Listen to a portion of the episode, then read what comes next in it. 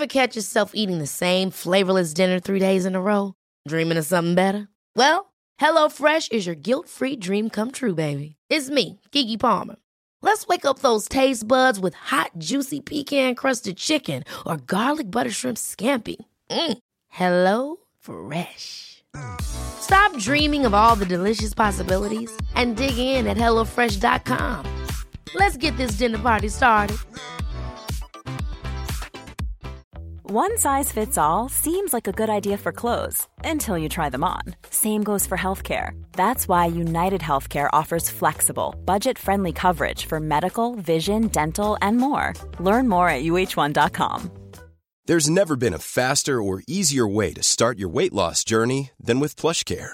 PlushCare accepts most insurance plans and gives you online access to board-certified physicians who can prescribe FDA-approved weight loss medications like Wigovi and Zepbound for those who qualify. Take charge of your health and speak with a board-certified physician about a weight loss plan that's right for you. Get started today at plushcare.com slash weight loss. That's plushcare.com slash weight loss. plushcare.com slash weight loss.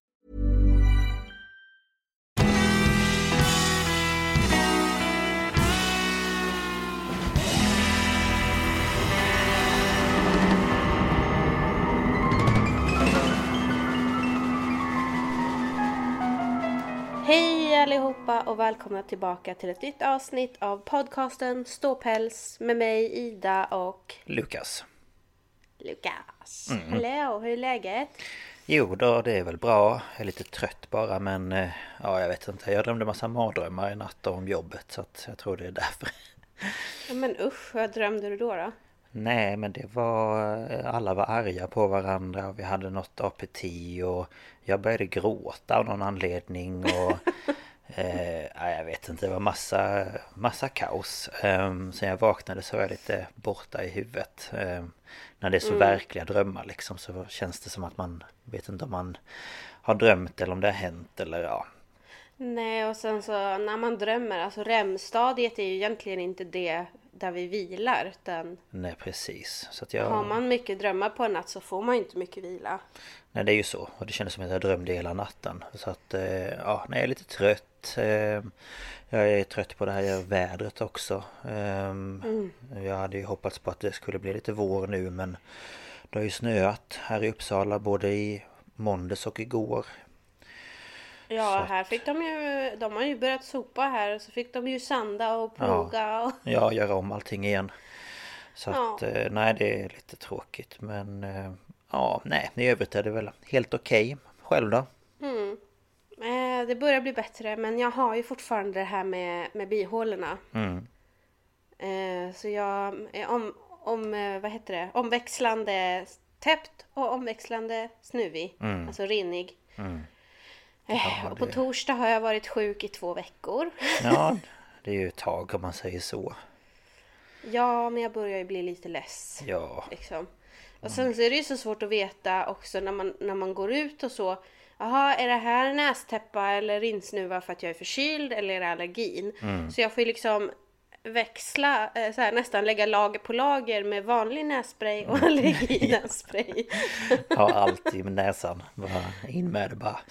Ja men lite så, för den ena är ju mot allergin och den andra är ifall det är förkylningar. Nej men det är... Ja, ja nej jag vet. Det är, det är inte roligt men förhoppningsvis så ska det väl ge med sig de närmaste Ja, dagarna. alltså jag, jag vill ju liksom kunna... Jag saknar ju att gå ut och gå. Jag lyssnar ju mycket på böcker och poddar och liksom... Mm. Man bearbetar mycket när man är ute och går. Ja, ja, ja. Mm, Utöver att det är motion också. Men eh, nu har jag inte kunnat göra det sedan jag blev sjuk. Nej, Så jag börjar bli... Man blir lite rastlös liksom. såklart. Så är det ju. Men eh, ja, nej, förhoppningsvis så blir det bättre så att du kan ut och promenixa och sådär ha sig. Ja, Ja, jag hoppas på det. ja, det tror jag nog. Ja, ja, och idag är det ett nytt ämne. Ja, och det har vi nog inte nämnt vad det skulle vara. Eh, jo, jag tror att vi nämnde det faktiskt. I förra avsnittet. Ja, det kanske vi gjorde. Ja. Det har du bättre koll på än vad jag har tror jag. Ja, nej, jag tror att vi sa det i slutet av din del. Ja, det gjorde vi ju. Mm, att vi skulle... lite terrorattentat idag. Precis. Ehm, så det ju bli spännande. Men fruktansvärt. Men eh, Ja, gud ja. så är det ju alltid med de här eh, fallen. Ja, sådana här ämnen är ju ofta så liksom. Ja, det påverkar ju många människor så att säga.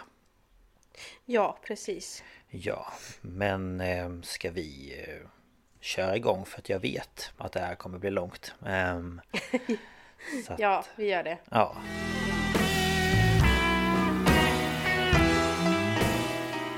Ja, och som ni har säkert har sett eh, på titeln så ska jag prata om skolskjutningen på Sandy Hook Elementary. Yes. Eh, och innan jag börjar så bara... Det är en skjutning på en, en lågstadieskola. Barn far illa. Så vill ni inte höra det så hoppa över hela min del. Får lyssna på min del istället. Om ni vill det, Ja. vill säga.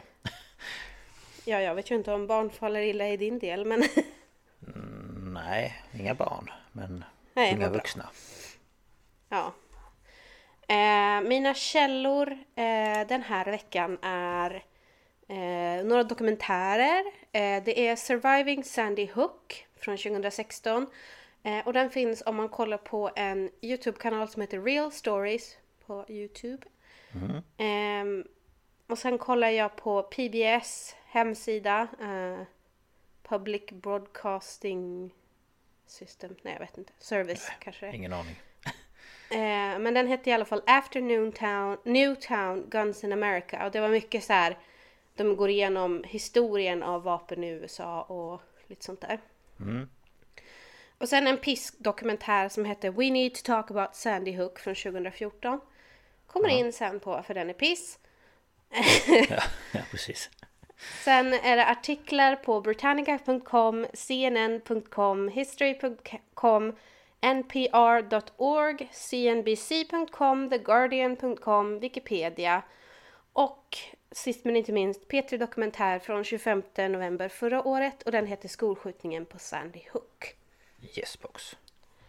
Så att det blev lite källor den här veckan. Ja, men det är väl inte konstigt. Nej. Ehm, vi ska börja med att ta oss till staden Newtown i Connecticut i USA. Och eh, det här är en relativt liten stad. Alltså i USA är det väl en småstad men här är det ju inte så himla litet. Men det är ju Ja, med våra mått mätt och deras mått mätt. ja, ja Men precis. det ligger i Fairfield County och eh, eh, det här stället har ungefär 27 000 invånare. Okej. Så att för oss är ju det hyfsat stort Det är liksom. Ja. Ja, en större... Det, det är liksom stad. som en, en kommun här i Sverige nästan. Ja, men typ. Beroende på var man bor såklart, men ja. ja, väl- precis. Ehm, och det här ligger ungefär åtta mil typ nordöst om New York. Så det tar liksom kanske, med, beroende på trafiken då, en till två timmar att åka till New York. Jaha, okej. Så det är ganska nära. Ja, precis. Um, Newtown är en lugn stad med få brott och eh, innan 2012 hade det skett ett enda mord på tio år. Oj, det var ju ändå lite. Att, ja, precis. Så att många barnfamiljer och så, de flyttar folk flyttar kanske från New York upp till den, den här staden för att få en, en lugn tillvaro för sina barn och, Ja, och sådär. såklart. Och eh, vi ska tillbaka till 2012 då och vi ska till skolan Sandy Hook Elementary School. Och där går barn från förskolan upp till fjärde klass. Och eh, en lärare berättar i en dokumentär att de hade typ så här sju klasser i varje årskurs. Oj. Det så det gick eh, över 400 elever på den här skolan. Ja. Ja, det var ju... Eh, så det var några barn. Ja, verkligen. Och eh, då från förskola upp till fjärde klass, då är man ju... Alltså de säger ju eh, preschool, alltså det är ju inte... Vad ska man säga? Det kanske är mer som Förskoleklass. förskoleklass. Ja. Eh, jag vet inte om de har alltså kindergarten på samma ställe eller så. ja, men, det... Så de är väl kanske från typ fem, sex och hur gammal är man när man går i sjuan? Typ. Eh. Eller fyran menar jag. Typ 10, 11. Ja, 10-11 är man väl. Ja. Ehm, så att det blir ju liksom några per åldersgrupp om man säger Ja. så. Ja men precis. Den här skolans säkerhetsprotokoll hade precis uppgraderats och skulle man besöka skolan behövde man nu bli individuellt insläppta efter att man har fått så här, visa ID och så via kamera. Alltså typ som en porttelefon. För att skolans dörrar låstes eh, varje dag klockan 9.30. Och det är ju alltså efter att alla har kommit dit. Så kom man för sent till skolan så blev det lite pinsamt liksom. Eh, Ja, lite. lite Eh, utpekat men sådär. det, det här är ju ganska vanligt i USA. Mm. Eh, det finns ju till och med högstadieskolor där de måste gå igenom metalldetektor varje morgon. Och, alltså vi, jag tror Ja, inte vi ja. kan ta in hur det är. Nej, jag vet att det finns ju vissa skolor Eller ja, nu ska jag inte säga att det bara är vissa Men det finns ju skolor i Sverige som låser sig efter ett tag Ehm, Ja, jo, men alltså Men jag menar det är inte alls på sätt. samma sätt. Nej vi ska till den 14 december 2012 och dagen börjar som vanligt för de flesta i staden och eh, eleverna kommer med skolbussarna till skolan för att delta i dagens undervisning. Mm. Och en pojke vid namn Daniel, eller Daniel om man vill säga som vissa sa. Ja, Eh, han åkte iväg med bussen och hans mamma inser att han har glömt sin eh, biblioteksbok hemma. Och eh, han måste lämna tillbaka den så han inte får förseningsavgift. Så hon säger hej då till tvillingpar, eh, ett barn, eh, ett barn, tvillingpar, alltså små barn som Två är hemma. hon säger hej då till tvilling, ett barn. ett barn, det är en- ett tvillingbarn Det är ett, ett tvillingpar som- är yngre då än Daniel, så de Ja. går inte i skolan som jag har förstått det. Nej okej Ehm, Lämnar hon dem Och hon hemma? se- Själva? nej, jag vet inte om pappan var hemma eller om de hade Jaha. barnvakt. Jag bara Hej då, nu får ni klara er själva här Ni kan vara Nej. fred men det fixar ni jättebra Nej, det, det, tror jag inte. Jag tror att de hade barnvakt Ja. eller, eller så. Säkerligen Ja, det, det var liksom inte fokus i historien. Nej Jag Jag tror inte att hon bara lämnar dem i så här stolarna vid bordet och bara oj, äh, här har ni lite majskrokar, mamma kommer snart. Mamma kommer om en liten stund Ja. Nej men ehm, det, det finns nog en logisk förklaring till varför de lämnas. Ja, Eh, men hon, åker, hon tar den här boken och så åker hon iväg till skolan för att hon ska lämna den till honom då. Och hon parkerar då utanför skolan och börjar gå mot entrén. Och då hör hon plötsligt att skott avfyras inne i skolan. Och hennes första tanke är att bara fly, så hon flyr tillbaka till sin bil och gömmer sig där. Men så kommer hon ju på att, men herregud, Da- eh, Daniel, nu vill jag säga så. Daniel! Daniel är ju där inne. Ja, Men så inser hon att hon kan inte bara rusa in, så hon liksom sitter i någon slags in, inre konflikt. Att hon vill rusa in och rädda sin son, men om hon hamnar liksom emellan så kommer ju tvillingparet hemma och inte ha någon mamma. precis, usch Så hon sitter ju där i någon slags panik. Ja, Ehm, och klockan 0 09.35 och 36 sekunder så kommer första samtalet till um, 9, eh, 911. 9-11 höll jag på att säga, det är kanske inte så smart att säga så. Eh, Eh, men då kommer i alla fall första larmsamtalet om att skott har avfyrats inne på skolan och tre minuter senare anländer första poliserna. Och 9.45 tar polisen sig in i byggnaden.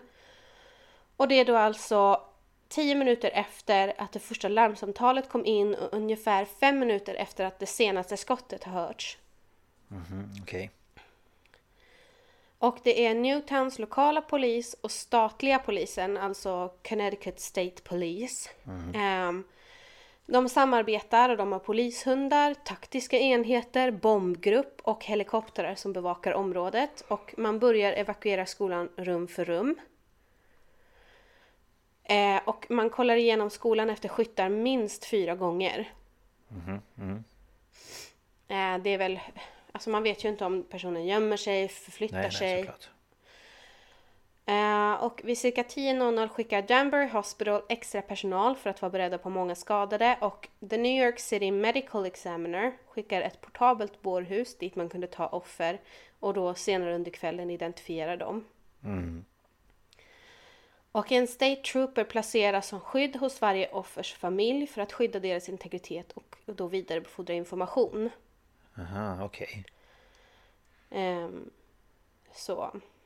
Men nu ska vi backa lite och liksom så här, vad är det som har hänt? Yes.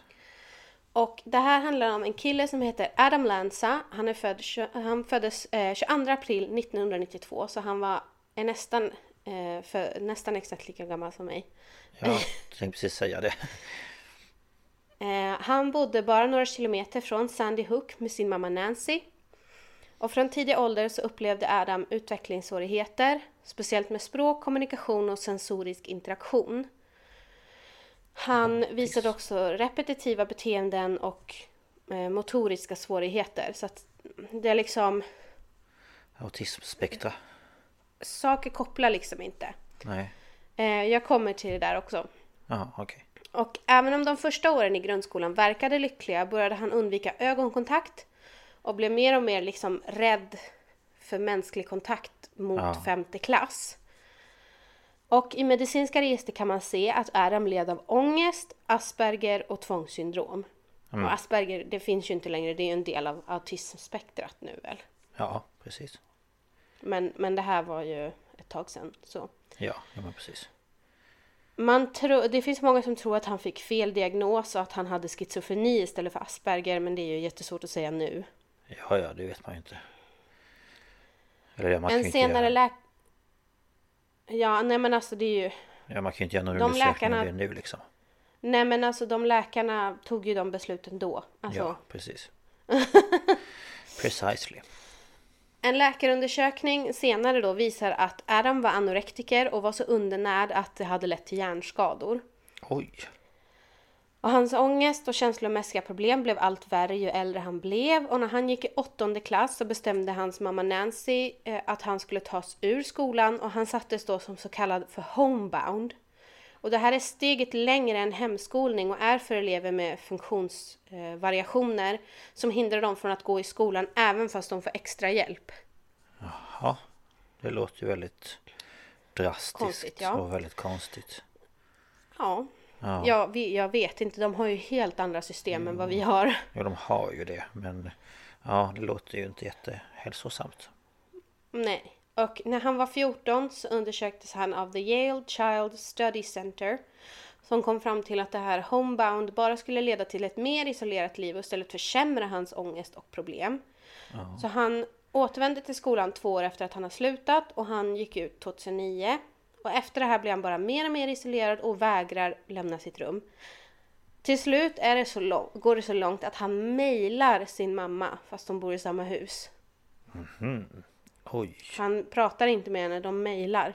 men gud. Ja, då har det gått väldigt långt. Ja. Och mamma Nancy och pappa Peter, de skiljer sig 2009 och Adam slutade mellan 2010 och 2012 att svara på sin pappas mejl. Okej. Eh, och pappan berättar att de genom alla år haft svårt att få rätt hjälp till Adam. Eh, och det, det kan man ju förstå om han har flera liksom, diagnoser och, och problem på många olika sätt. Då är det nog svårt. Ja, jo men det är ju det. Tyvärr. Eh, men sen handlar det nog ganska ofta att det faller mellan stolarna liksom. Och de får hjälp med en sak men inte med det andra och liksom, ja. Precis. Adam var genom hela sitt liv, eller hela sin uppväxt, eh, omgiven av vapen. Eh, hans föräldrar brukade ta med honom till skjut, skjutbanor och hans mamma ägde själv minst fyra vapen. Oj.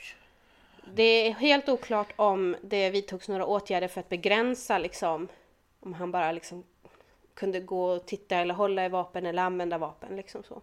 Ja, alltså om hon hade dem inlåsta. Eller liksom. Precis, det är, eh, är oklart. Mm, okej. Eh, Adam visade ett stort intresse för massmord, speciellt skolskjutningar. Han hade till och med Tumblr-konton som var namngiv- namngivna efter några skolskjutare. Och han beskrev på Columbine Forum om hur han drömde om skjutningen på nätterna. Och han gjorde okej. olika collage och samlingar av ljud, bilder och videor från skolskjutningar. Eh, både från filmer och från verkliga skjutningar. Och han var nästan beroende av att samla ihop de här bilderna och videorna och allt det här från skjutningar. Och alla personer i de forumen där Adam skrev trodde att han bara skämtade. Ja, ja, Så ja. att han överdrev. Ja. Men eh, ja. Så, alltså, så att ta in liksom. Jag sitter här och bara, ja. Så fel det kan bli. Det är ju inga bra tendenser om man säger så. Nej, det är ju inte det. Och eh, det är ju väldigt oroväckande. Ehm, och... Det eh, finns också källor som säger att han var väldigt intresserad av Anders Behring Breivik. ah. Ja, för han kan man Ehm. ju se upp till något. Oh ja, Ehm, verkligen. Men eh, det kan jag alldeles säkert tänka mig att det är många som har inspirerats av honom. Ja, fy fan. Tyvärr. Eh, Men nu kommer vi till morgonen den 14 december 2012. Och någon gång före 9.30 skjuter Adam sin mamma Nancy med ett 22-kalibrigt Savage Mark II-gevär i hemmet. Eh, Utredare fann henne senare klädd i pyjamas i sängen och hon hade blivit skjuten fyra gånger i huvudet. Ja men gud. Mm. Usch, ja. Det lät trevligt detta. Mm, det börjar ju bra. Han tar sedan sin mammas bil och åker klädd i svart med gula örproppar, solglasögon och grön väst till Sandy Hook Elementary School och med sig har han sin mammas Bushmaster semiautomatiska gevär. Och eh, med det skjuter han sönder glasväggen vid den låsta entrén och går in i skolan. Mhm, okej. Samtidigt så har rektor Dan Horsprung och skolpsykolog Mary Sherlack möte med andra lärare. De är liksom i konferensrummet eh, och hör liksom det här. Och de förstår inte riktigt vad det är som händer. Så Dan, Mary och en huvudlärare som heter Natalie Hammond går ut eh, liksom i korridoren för att se vad, vad sjutton är det som har hänt. För de tror kanske typ att något glas har liksom... Oj, nu slog jag till mikrofonen. Eh, att, att det är liksom... Man vet ju, glas kan ju bara sprängas. Alltså, Ja, ja, av olika värme och kyla och... ja, precis. Så Sådär. de vet ju inte, eller om det är någon som har kastat en sten eller ja, vad som helst. Ja, ja, det vet man ju inte. Men de går i alla fall ut och då möter de Adam. Och de som var kvar i rummet hör kvinnorna skrika “Shooter, stay put”. Alltså skytt, stanna där ni är liksom. Ja, Och de gömmer sig. ja, Ehm, och en lärare som också hör det här, som gömmer sig i matteklassrummet, hör en vaktmästare som heter Rick Thorne skrika “Lägg ner pistolen”. Adam sköt och dödade Dawn och Mary och Natalie skjuts först i benet och sedan en gång till. Och hon låg helt stilla i korridoren tills hon inte hörde något mer och sen kröp hon in i konferensrummet och stängde dörren. ah. Så hon klarar sig eller? Det vet man inte. Ja, det gör hon. Ja, okej. Efter att han har dödat Dawn och Mary så går Adam in på huvudkontoret men han såg tydligen inte människorna som gömde sig där och återvände till korridoren. Och sjuksköterskan Sarah gömde sig under ett skrivbord på sin kontor, sitt kontor och hon beskrev senare att hon såg dörren öppnas och Adams stövlar och ben vändas mot hennes skrivbord på cirka 6 meters avstånd. Han blev bara stående i några sekunder innan han vände sig om och gick. Paniken. Så han tittar ju egentligen inte så noga. Han går ju bara in och liksom tittar runt. och Nej, okej. Ja. Och så är det väl så vi har förstått det som när man har lyssnat på eh, Över min döda kropp eh, om skolskjutningar och sådär nu när det varit aktuellt att någon som gör det här går ju inte in och letar utan den skjuter ju den som den ser liksom. Det är inte så att den försöker ta sig in i ett låst rum eller så. Nej, alltså det finns väl fall där de har gjort det också. Men eh, vanligast är nog bara att de vill in så fort som möjligt och åsamka så mycket skada som möjligt. Ja precis. Och då står man ju inte där och försöker lirka upp en dörr. Tänker jag. Nej. Nej. Men man kan ju också tänka om man är ute efter att döda så många som möjligt bara böjde ner och titta under borden. Men nu var det ju bra att han inte gjorde det. Men... Ja, nej. Nej jag vet inte. Jag vet Det är nog bra att man inte vet hur de tänker. Ja. Eh, Sally, nej, ja Sally, hon kallas Sally, Sally men Sarah, skolsköterskan. Eh, hon och sek- skolsekreteraren Barbara ringer 911 och gömmer sig i en garderob och där sitter de i fyra timmar. Eh, och vaktmästaren Rick han springer genom korridorerna och skriker till folk att låsa och gömma sig. Adam gick sedan in i ett klassrum för första klass där Lauren Rousseau, en lärarvikarie, hade vallat sina elever, första klasselever till baksidan av rummet och försökte gömma dem i ett badrum. Ehm, eh, Lauren och Rachel Davino, Diavino, jag vet inte hur man uttalar det. Hon var i alla fall en beteendeterapeut som, hon hade bara varit anställd i en vecka för att arbeta med en elev då som behövde Ja, extra stöd. ja, Eh, hon och Rachel försöker ju eh, liksom gömma barnen. ja, Men ehm, de två och 15 elever i klassen dödas. 14 av barnen, dö, eh, av barnen dödas på plats och ett barn förklaras eh, död på sjukhus. ja, Och de flesta av lärarna då, alltså de här två lärarna och barnen var in, inträngda i badrummet. okej. Alltså han har bara liksom... En sexårig flicka, va? Han har bara liksom eh, skjutit hej vilt Han har i- bara mejat ner dem. Ja, mm. En sexårig flicka som är den enda överlevande hittades av polisen i klassrummet efter skottlossningen.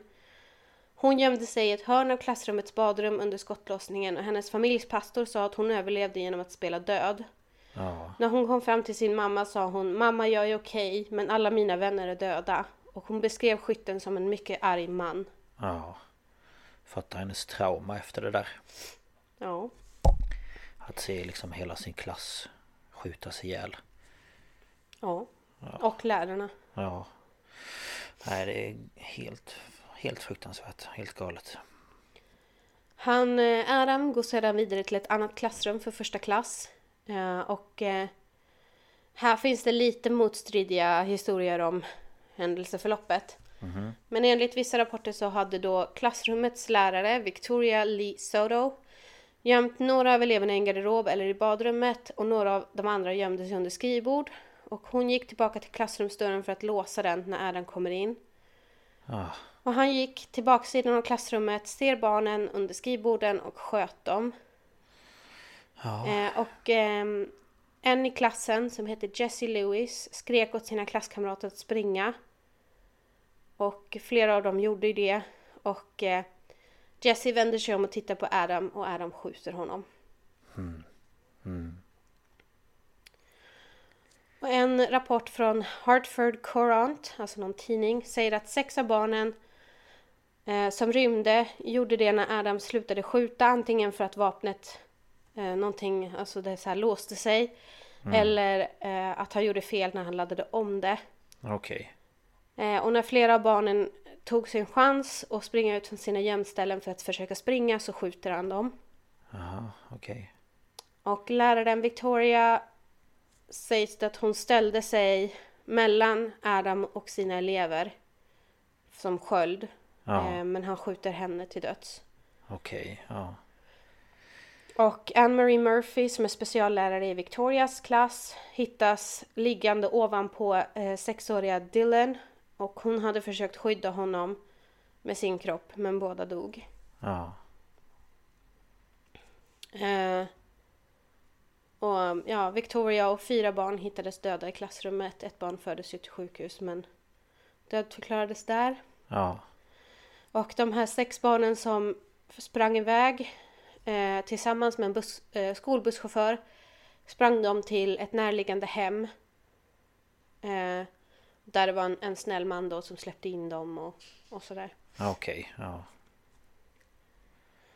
Ehm, och enligt den officiella rapporten som släpptes av statens advokat sprang nio barn från Victorias klassrum och polisen hittade två gömda i, inne på en toalett. Okej. Mm. Nu kommer vi till överlevande. Eh, och det är första klassläraren Caitlin Roig. Alltså jag antar att det är irländskt och det uttalas nog absolut inte så. Men jag vet inte hur man säger det. Nej, inte jag heller. Hon i alla fall gömde 14 elever i ett badrum och barrikade- barrikaderade dörren och sa åt dem att vara helt tysta. Och man tror att Adam gick förbi hennes klassrum som var det första klassrummet på vänster sida av korridoren. Men efter en nedstängningsövning några veckor tidigare, alltså de, de har ju övningar när det gäller sånt här. Ja, ja, ja. Då har hon glömt att ta bort en bit svart byggpapper som täcker för fönstret i klassrumsdörren. Ah, Och han kan då ha tolkat det som att klassrummet var tomt. Eftersom ja, det såg ju svart ut och dörren var stängd. Ah, det var ju en jävla tur. Ja. Eh, skolbibliotekspersonalen Yvonne Ketch, Keck, Ketch, jag vet inte, och Marianne Jacob eh, försöker gömma 18 barn i en del av biblioteket som skolan använde för nedstängning då vid övningar. Ehm, och när de upptäckte att en dörr inte kunde låsas så fick de barnen att krypa in i ett förråd och där sköt Yvonne eh, för dörren med ett arkivskåp. Okej. Och musikläraren Mary Rose Christopek barrikaderade sina fjärdeklassare i en liten förrådsgarderob. Och Adam anlände några ögonblick senare, dunkade på dörren och skrek släpp in mig. Men eh, hela hennes klass satt tysta, helt tysta där inne. Ja, vilken tur. Man bara släpp in mig, Ehm. man bara nej tack. Jag tror inte det va. Man bara, är du helt jävla tappad? Vi kommer inte släppa in dig. Nej. Nej, jag skulle inte tro det. Nej. Två elever i tredje klass som var utvalda som klassrumsmedhjälpare. Alltså, vi hade ju sånt lite så här också. De som var, man hade väl typ varsin vecka eller någonting där man fick vara den som var lite assistent om man tyckte det var Ja, så spännande. precis. Ja. Eh, De gick ner för korridoren till kontoret för att leverera morgonnärvarobladet när skjutningen började. Och läraren Abby Clements drog in båda barnen i hennes klassrum där de gömde sig. Okej. Eh, och sen har vi Laura Fe- Feinstein, Feinstein. Jag vet Någonting? inte hur man säger det heller. Sorry. Hon är lässpecialist på skolan. Eh, och hon tog två elever som var utanför hennes klassrum och gömde sig med dem under sitt skrivbord efter att de hörde skott. Laura ringde skolans kontor och försökte ringa 911 men hon kunde inte ansluta på grund av bristande mottagning på hennes mobiltelefon. Men hon gömde sig med barnen i cirka 40 minuter tills polisen kom och tog dem ur rummet. Okej. Mm. Som sagt då så hörde man det sista skottet 9.40 och man tror att det var Adam som sköt sig själv i nedre delen av eh, huvudet, alltså nedre bakskallen med en Glock 20 SF i klassrum 10. Okej. Eh, hans kropp hittades iklädd en ljusgrön fickväst över en svart pikétröja över en svart t-shirt, svarta sneakers, svarta torgvantar, svarta strumpor, ett svart canvasbälte. Och eh, andra föremål som hittas i närheten av Adam är då en svart boonie-hatt och jag vet inte, är det typ en sån här fiskemössa eller? Vad sa du att det hette? Boonie-hatt. Det vet jag faktiskt Eller inte någon det är. caps, jag vet inte vad det är. Men i alla fall, och tunna glasögon. Eh, Så hon har ju haft några accessoarer på sig då. Okej, ja. Glocken hittas eh, fastklämd nära Adam och geväret hittas en bit från honom. En 9 mm Sig Sauer P226 som inte har avfyrats under händelsen hittades också på Adam. Och den närliggande brandstationen blev en samlingsplats för oroliga anhöriga och överlevare. Ja. Nu kommer vi till eh, efterrapporter och så. Polisen fastställde att Adam laddade, laddade om ofta under skottlossningen. Ibland sköt han bara 15 av 30 skott från ett magasin. Okej. Varför vet jag inte. Om det bara var grejen att han tyckte det var kul att ladda om. Jag vet inte. Kan ju ha varit men... Ja, jag vet inte. Ingen... Han sköt alla utom två av sina offer flera gånger. Och det är väl antagligen för att han bara mejade på liksom. Ja, och sen vill han väl vara säker på att de dog. Ja, säkert. Eh, det mesta av skottlossningen ägde ju rum i två klassrum, då första klass, eh, klassrummen som jag pratade om. Eh, eleverna var då åtta pojkar och tolv flickor och de är antingen sex eller sju år gamla och de sex vuxna var alla kvinnor och då lärare och sådär. Man hittade också kulor i minst tre bilar utanför skolan vilket fick polisen att tro att han sköt mot en lärare som stod nära ett fönster. Aha, okej. Man hittar inget självmordsbrev eller några meddelanden som visar att han har planerat den här attacken. Nej. Och eh, Janet Robinson som är föreståndare för Newtowns skolor sa att hon inte hade något samband mellan eh, varken Adam eller Nancy Lanza till skolan. Eh, och det var i motsats till initiala medierapporter som påstod att, att Nancy hade jobbat där. Okej. Eh, det var också en person som hade varit i bråk med fyra anställda på Sandy Hook. Eh, och man undersökte om det var Adam. Det här var dagen före massakern. Eh, och det här tänkte man att kunde vara han för att två av fyra anställda som var med i det här bråket då dödades och en skadades. Aha. Ja, för jag Eh, så man tänkte, tänkte att det var... ja, jag tänkte på det varför han just valde den skolan. Eftersom han Alltså- har, hade inte gått där själv. Det, vissa säger att han har gått där och vissa säger att det finns inga, inga records på att han har gått där. Så jag vet inte var han gick i skolan. Nej. För jag tänker, han Men om han är uppvuxen där så är det ganska logiskt att han skulle gå där. ja, men vet man när det var han inte fick gå i skolan längre då? Alltså, för han fick ju inte gå klart skolan väl? Och sen så började han att läsa... Ja, han var ju borta ifrån skolan i två år. Jaha, det var bara två år. Ja, Okej. och han tog ju examen 2009. Ja, nej. Ehm, Men ja, han kanske har gått där då. Men det, ja, nej, det vet man ju inte heller såklart. Nej, man vet i alla fall inte. Nej. Ehm, nu ska jag hitta tillbaka här. Där. Jag scrollade upp för jag skulle dubbelkolla. Ja. Så ska man hitta tillbaka sen också. Ja men det är ju det. Hitta rätt. För jag tänker att det måste ju finnas andra skolor i den där stan. Ja, gud ja. Också. Ja, Så jag tänker att det... Ja, jag vet inte om man valde den för att det kan vara flest barn som gick på skolan. Också. Jag vet inte. det, de, man vet ju inte Nej, varför de valde den. nej. Eller om det bara var för att den var närmast. Ja, kan det också vara. Men eh, det, man vet inte heller om det var han som eh, hade tjafsat med någon lärare. Men jag tror inte att det var det. Nej. Eh, den 28 mars 2013 visades domstolshandlingar som släpptes från utredningen att skolskjutningen hade inträffat inom loppet av mindre än fem minuter med 156 skott avlossade. Oj. Och det var då 154 från geväret och två skott från eh, Glocken. Ja. Och eh, ett av de skotten var som han avsl- avlossade i korridoren och det andra tog han ju sitt eget liv med. Mm. Och man måste ju då ta reda på varför han har gjort det här. Så man, man utvärderar hans kropp och letar efter bevis på droger. Genom då dox- toxikologiska tester. Ja. Och man tog också DNA-testning av honom.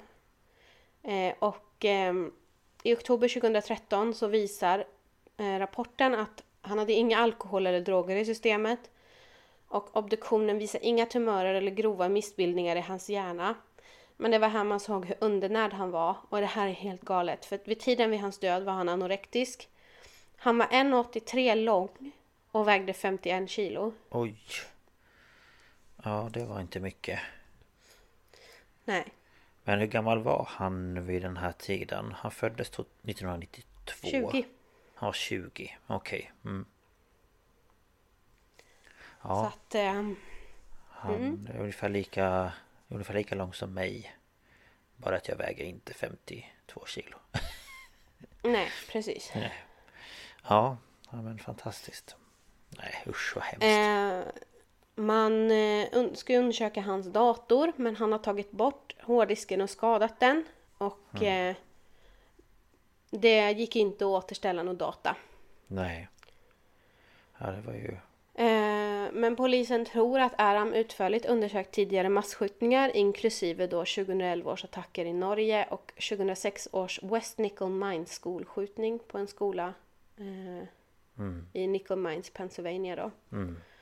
Och man hittade att han hade laddat ner videos om massakern på Columbine.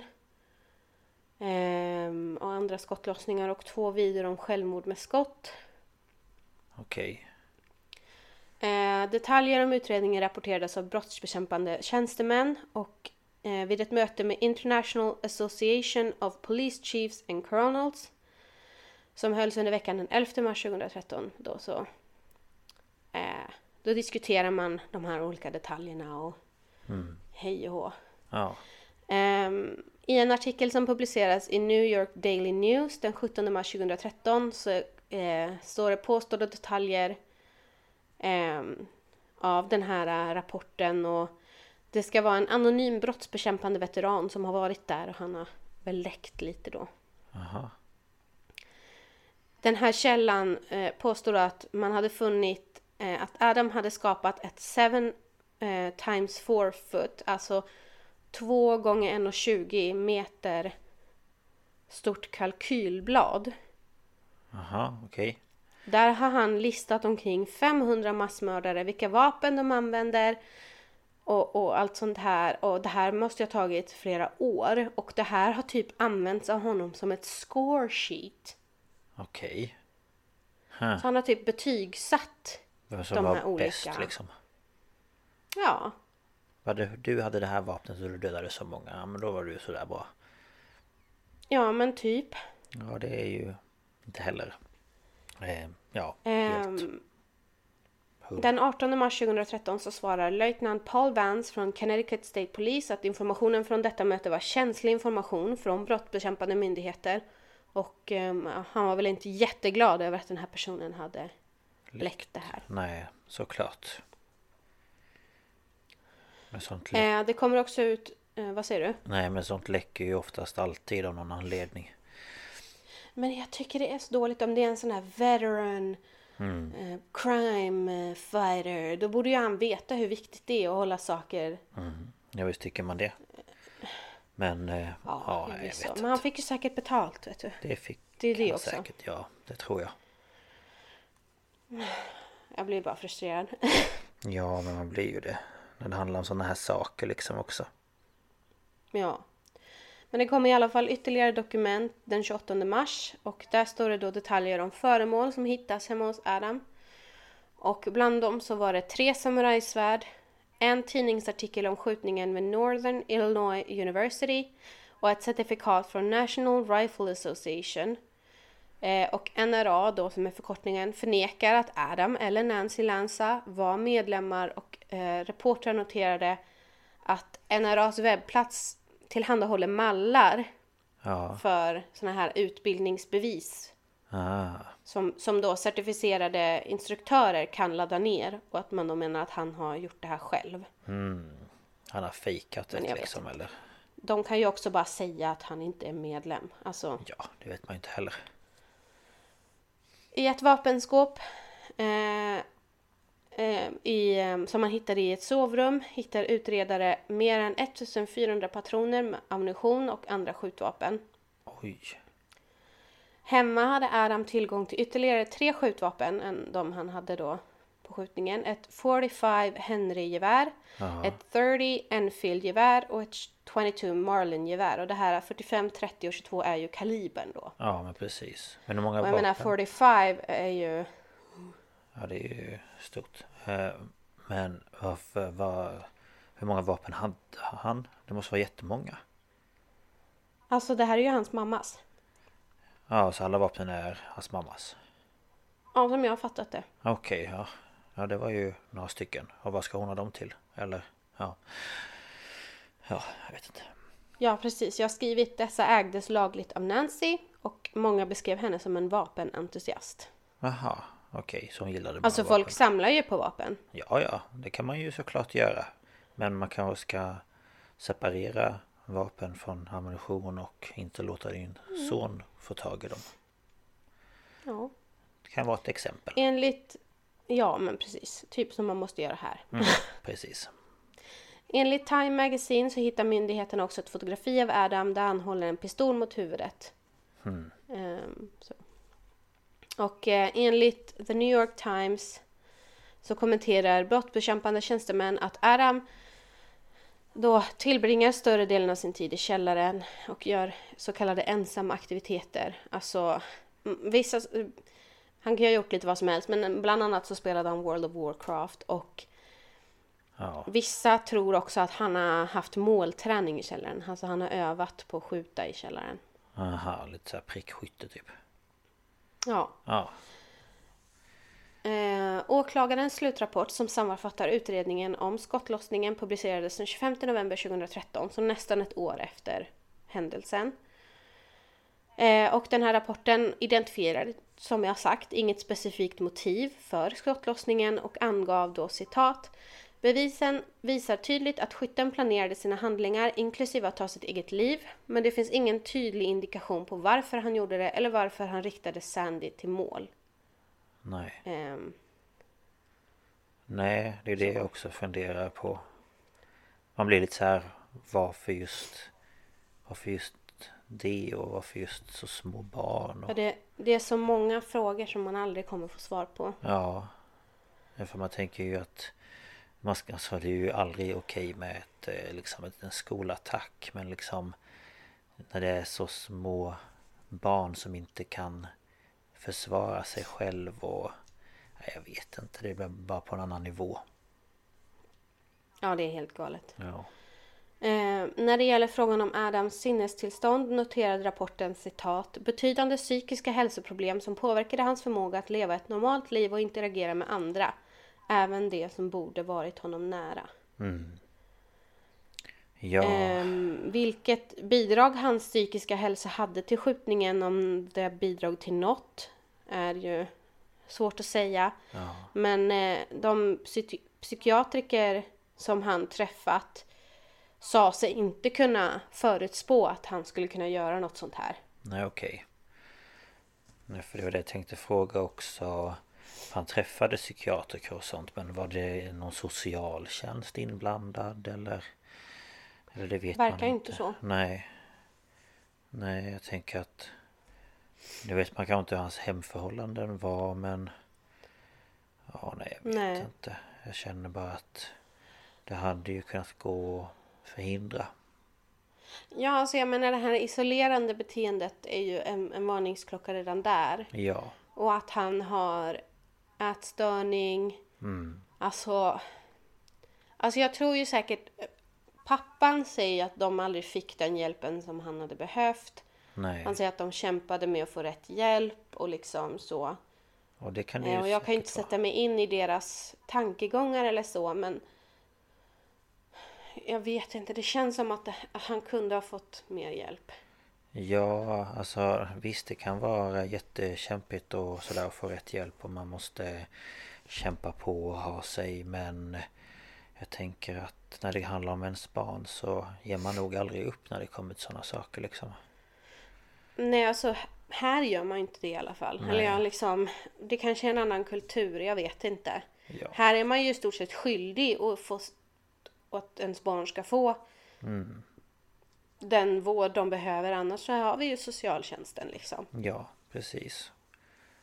Ja, nej, jag vet inte. Jag tycker bara det är lite konstigt. Jag tänker som i skolan. Man har ju eh, anmälningsskyld. Alltså du ska ju, du har ju skyldighet att anmäla om du oroar dig kring barnens liksom ja. Ja. hur barnen är eller hur de har det hemma eller sådär och jag tänker om man nu eh, gick i skolan och var så eh, ja, men tillbakadragen och eh, så smal och liksom hade tecken på vissa saker då hade man ju kontaktat någon liksom. Mm. Ja, jag tror ju att det är där våra system skiljer sig ganska kraftigt. Mm.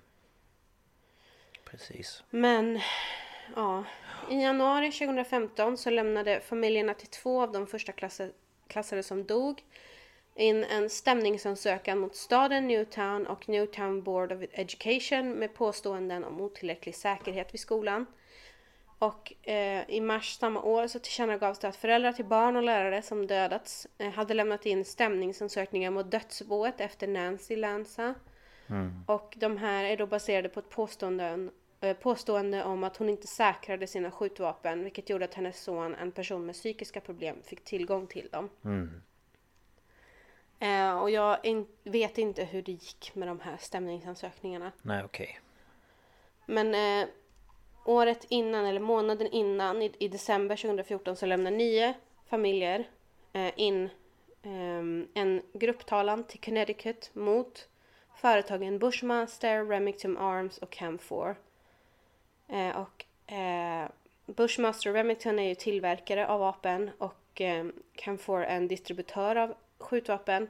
Och de eh, lämnade också in det här till den nu stängda East Windsor-butiken Riverview Sales där de här vapnen köptes. Och de ville ha skadestånd och då behövde de ha ett krav på undantag från 2005 års federala skydd för laglig handel med vapen som normalt då skulle avvisa en sån här eh, rättegång eftersom den saknar status. Ja. Eh, men de menar då att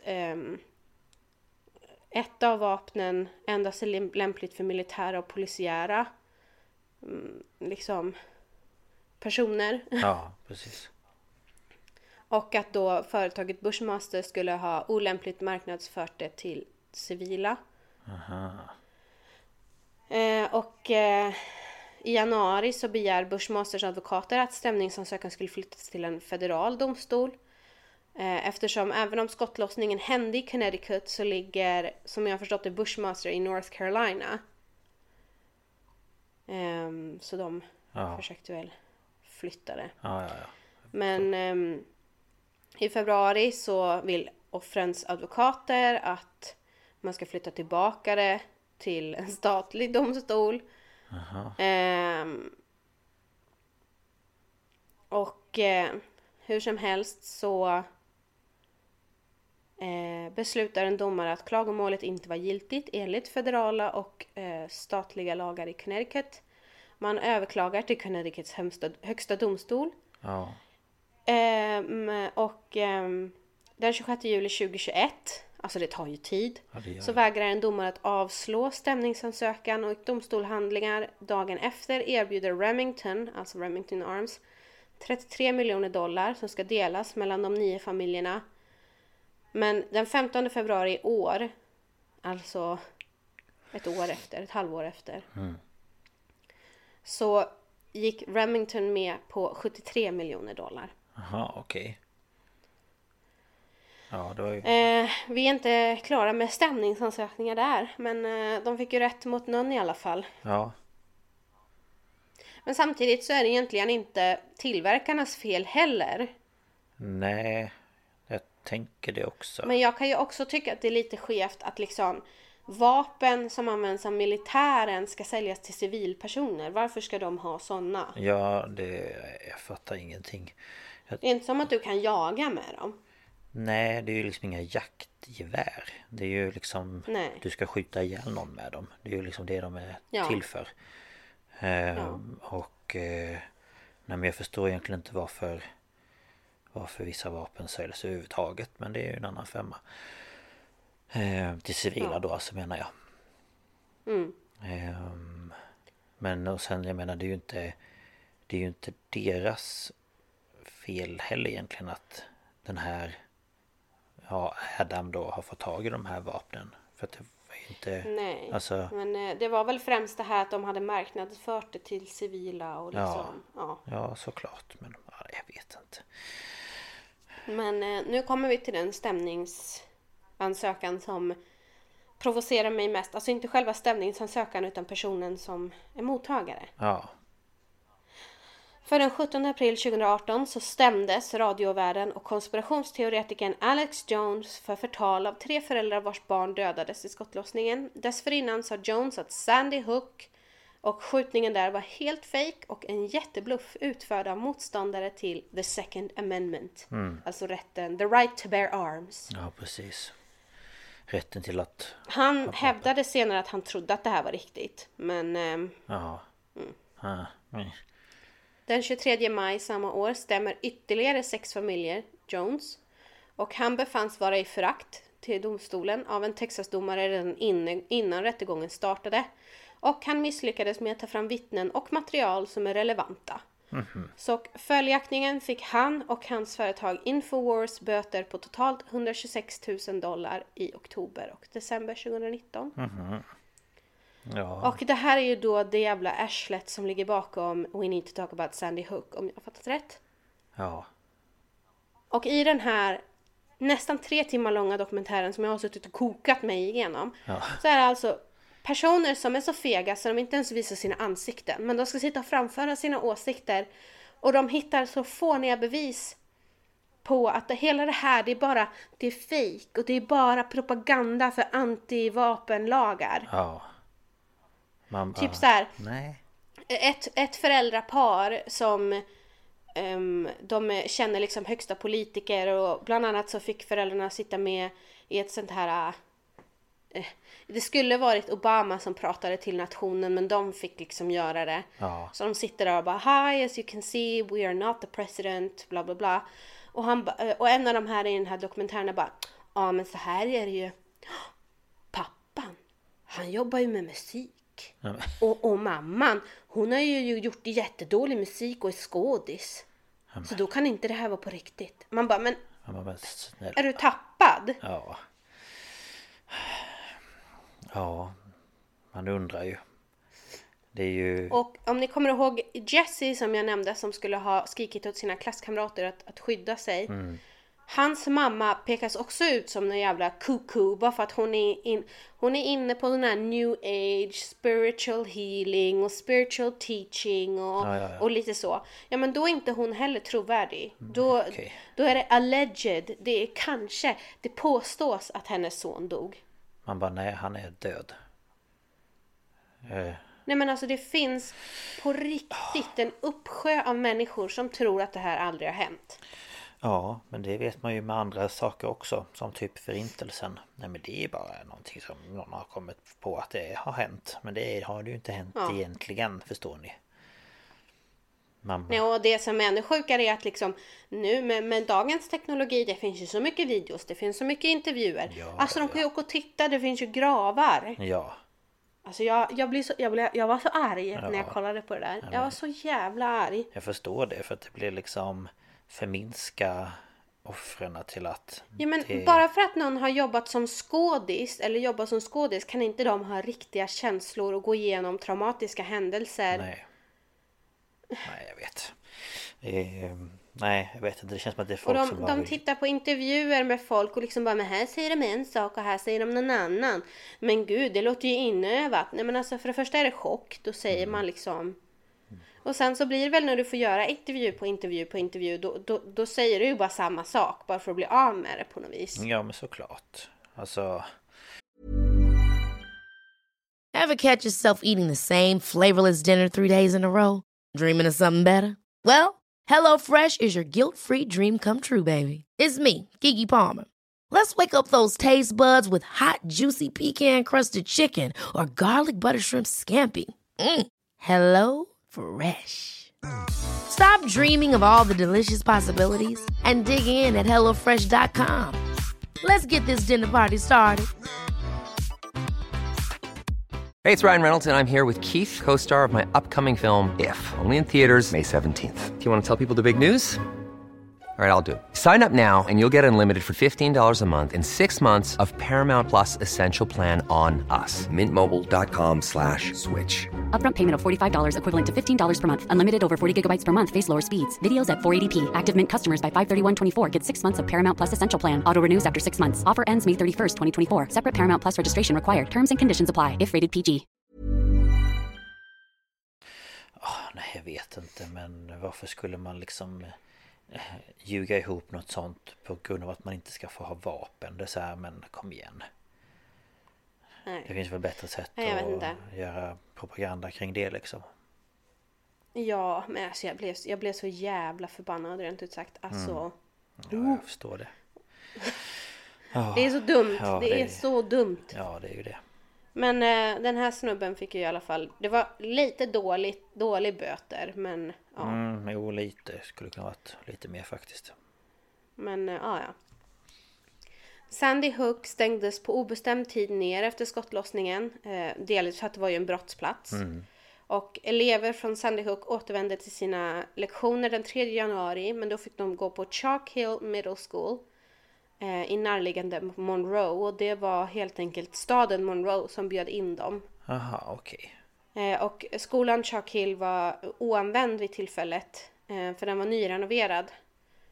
Ehm, och den blev då eh, tillfälligt omdöpt till Sandy Hook. Ja, det var ju fint. Eh, och University of Connecticut skapade stipendium för de överlevande barnen. Så de ska kunna Ah, plugga vidare. Ja, okej. Eh, och den 31 januari röstade Newtowns skolstyrelse enhälligt för att be om polisnärvaro i alla grundskolor. Ehm, tidigare hade vissa skolor i distriktet sånt skydd, men Sandy Hook var ju inte en av dem. Okej. Eh, och den 10 maj röstade en arbetsgrupp på 28 utsedda medlemmar för att riva den befintliga Sandy Hook Elementary School och låta bygga en ny skola i dess ställe. Eh, rivningen började den 25 oktober 2015 och i juli 2016 så avtäcktes den nya Sandy Hook Elementary School och föräldrarna fick då gå på visning runt i byggnaden. Och den nya skolan ligger på platsen där gamla Sandy Hook låg. Ah, så de bara rev det gamla och sen... Ja, så att Ja. det blir nytt i alla fall. Ja, okej. Och i april förra året så godkändes ett minnesmärke över offren av invånarna i Newtown. Ja, Ehm, president Barack Obama höll ett tv-tal på dagen för skottlossningen och sa vi måste gå samman och vidta meningsfulla åtgärder för att förhindra, förhindra fler tragedier som denna oavsett politik. Och eh, två dagar efter skottlossningen så reste han till Newtown och träffade familjerna och han talade vid en vaka som han höll. Och eh, guvernören i Connecticut Daniel Danell Malloy, han talade till media samma kväll som skottlossningen. Eh, och han höll eh, en vaka för offren i en lokal kyrka och uppmanade invånarna i Connecticut att samlas och hjälpa varandra. Och den 17 december höll han en tyst stund över hela staten och eh, bestämde att kyrkklockorna skulle ringas 26 gånger klockan 9.30 den 21 december exakt en vecka efter skolskjutningen. ja, Och det var då en, en gång för varje offer. Ja, Och såklart så inleder ju det här en förnyad debatt om vapenkontroll. Inklusive att företag ska göra bakgrundskontroller eh, och göra då det här systemet universellt. ja okej. Eh, så att det inte bara är så här i staten eller liksom så. Nej. Ju... Eh, och man ville att eh, det skulle komma ny federal och statlig lagstiftning som skulle förbjuda försäljning och tillverkning av vissa typer av halvautomatiska skjutvapen och tidskrifter. Eh, tidskrifter va? Och eh, ehm, magasin. Jaha, det är därför det har översatts från magasin till tidskrifter. Ja, ja, ja. Där mer, än- mer än tio patroner får plats. Mhm, okej. Så man vill ha lag som har med bakgrundskontrollerna att göra, systemet. Vissa vapen ska inte få säljas och eh, magasinen får inte rymma mer än 10 patroner. Nej, okej. Ville man då. Ja, ja. Inom några timmar efter skottlossningen inleddes ett We the People-upprop som bad Vita huset att omedelbart ta itu med frågan om vapenkontroll och genomförandet av lagstiftning i kongressen. Och eh, vapenkontrollgruppen Brady Campaign to Prevent Gun Violence rapporterade att en lavin av donationer timmarna efter skottlossningen fick deras hemsida att krascha. Så det är ju bra. ja, det är bra. Verkligen. Eh, och Obama sa att han skulle göra vapenkontroll till en central fråga, fråga nu det, under sin andra mandatperiod. Och han skapade en arbetsgrupp för vapenvåld och den leddes av vicepresident, nuvarande president Joe Biden. Eh, och den 16 januari 2013 så undertecknade Obama 23 verkställande order och föreslog 12 kongressåtgärder angående vapenkontroll. Och det inkluderade då den här bakgrundskontrollsystemet, eh, ett förbud mot anfallsvapen och förbud mot magasin med hög kapacitet. Ehm, och Wayne Lapierre från NRA, National Rifle Association, sa att vapenfria skolområden lockar mördare och att ytterligare ett vapenförbud inte skulle skydda amerikaner. Han uppmanade kongressen att anslå medel för att anställa beväpnade poliser vid varje amerikansk skola och meddelade att NRA skulle skapa National School Shield Emergency Response Program.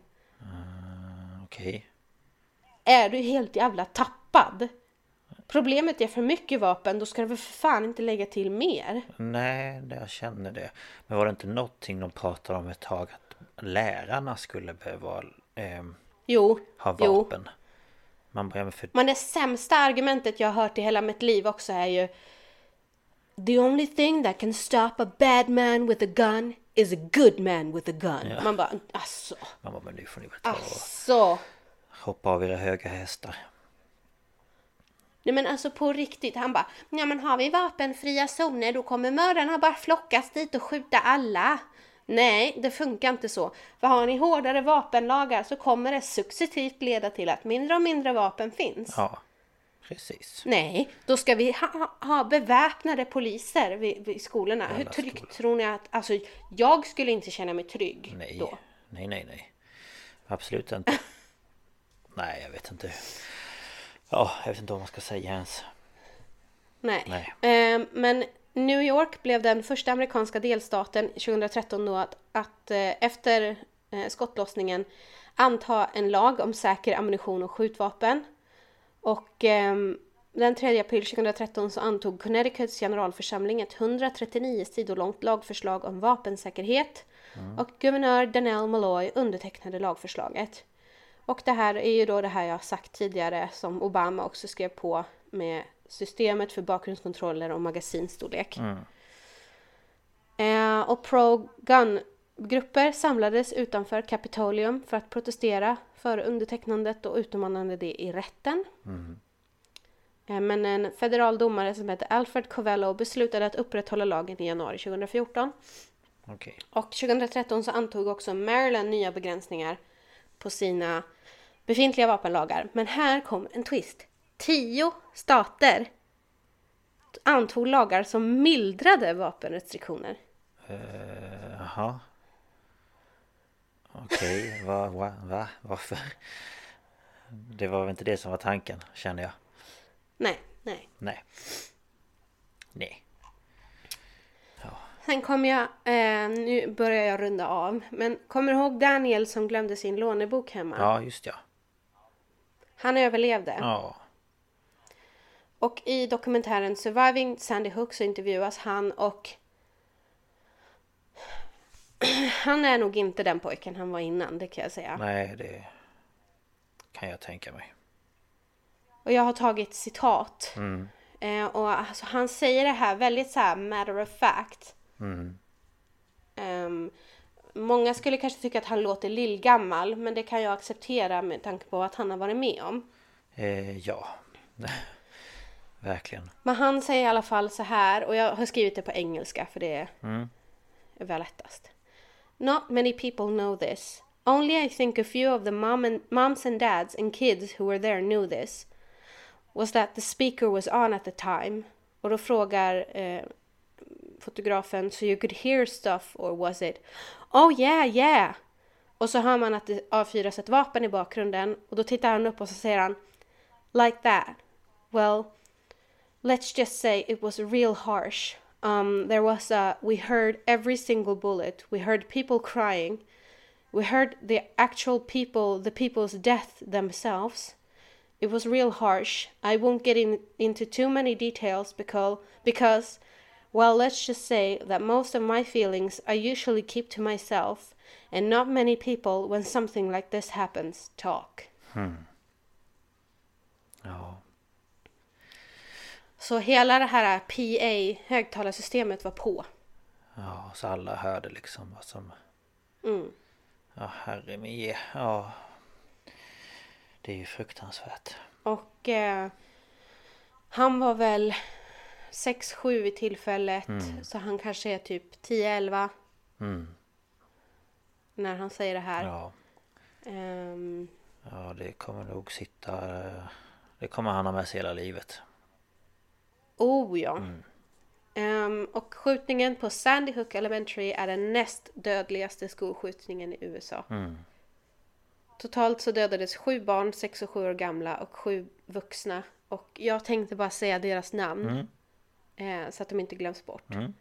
Och barnen hette Charlotte, Daniel, Olivia, Josephine, Anna, Dylan, Madeline, Catherine, Chase, Jesse, James, Grace, Emily, Jack, Noah, Caroline, Jessica, Aviel, Benjamin och Allison.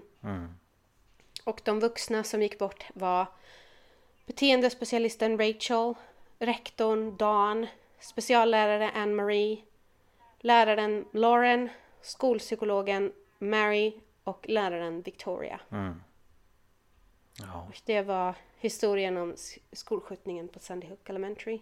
ja det var en resa. Eh, Ja, nej men det, det går inte ens... Ja, nej det är fruktansvärt. Ehm, Så eh, den som ligger närmast i minnet är ju Parkland, Florida.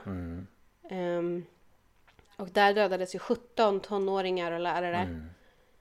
Tror jag det var. Och här var det 26 precis. barn och vuxna.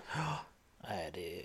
Ja, nej det finns inga ord. Det är fruktansvärt. Det är Ja, någonting som de här kommer bära med sig resten av sina liv. Och eh, ja, trauman och annat. Det... ja. Nej, det är fruktansvärt. Ja, och jag fattar inte varför amerikanerna är så fast vid sina vapenla- vapenlagar. Alltså det, är, Nej, jag vet det är inte. ogreppbart för mig. Det är verkligen det. Ja, men det är liksom... Det är min frihet att bära vapen. Man bara... Ja, Ja, absolut. visst, men- men Kanske inte ska gå runt... why? Ja, Behöv, visst, ni, ert land behövde, ni behövde det när ni byggde upp ert land, när ni eh, liksom, det var krig och alltihopa. Men nu är det inte det längre. Nu behöver ni inte ha det. nej. Alltså, Och det här med att ja men vi ska vara säkra. Ja men om ingen annan har vapen. Då behöver ni ju inte ha ett vapen för ni behöver inte vara hotade av att någon annan har ett vapen. nej men det är ju som att vi skulle av, av ehm, vad heter det, ta bort alla, alla lagar om, så att vem som helst fick gå med svärd och yxa för vikingarna hade det och då är det våran rätt att bära vikingayxa och svärd. Ja. Alltså, så ska alla gå runt med svärd och yxa liksom? Ja man bara det känns ju också jättebra. Nej men det, det blir ju samma, Jag vet. samma sätt att tänka. Det är så jävla pantat alltså. Det är... Uh. Jag vet inte vad man ska... Det är mycket man kan diskutera när det kommer till eh, det här. Man blir ju matt. Ja, men det finns ingen som är så pro-gun som kan få mig att ändra min åsikt. Alltså det Nej. finns inte. Det går inte. Nej, absolut inte. Inte mig heller. Men eh, ja, tack för det här. Ehm, Ja. Man eh, blev matt i själen, men så är det. Ja, verkligen. Men nu har jag pratat jätte- jättemycket så nu tycker jag vi hoppar vidare till ditt. Vi gör så.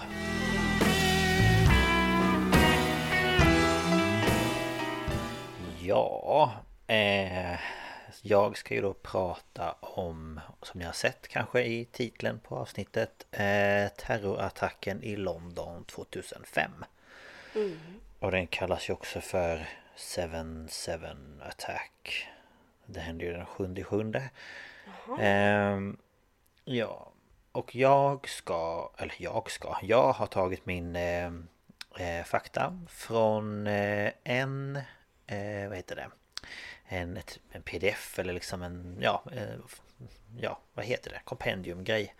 Ja. Eh, som heter eh, Terrorattackerna i London den 7 juli 2005 Brittiska lokala och regionala myndigheters agerande och lärdomar för det svenska krishanteringssystemet Det låter som Ehm. något liknande som jag hade när jag pratade om eh, Madrid.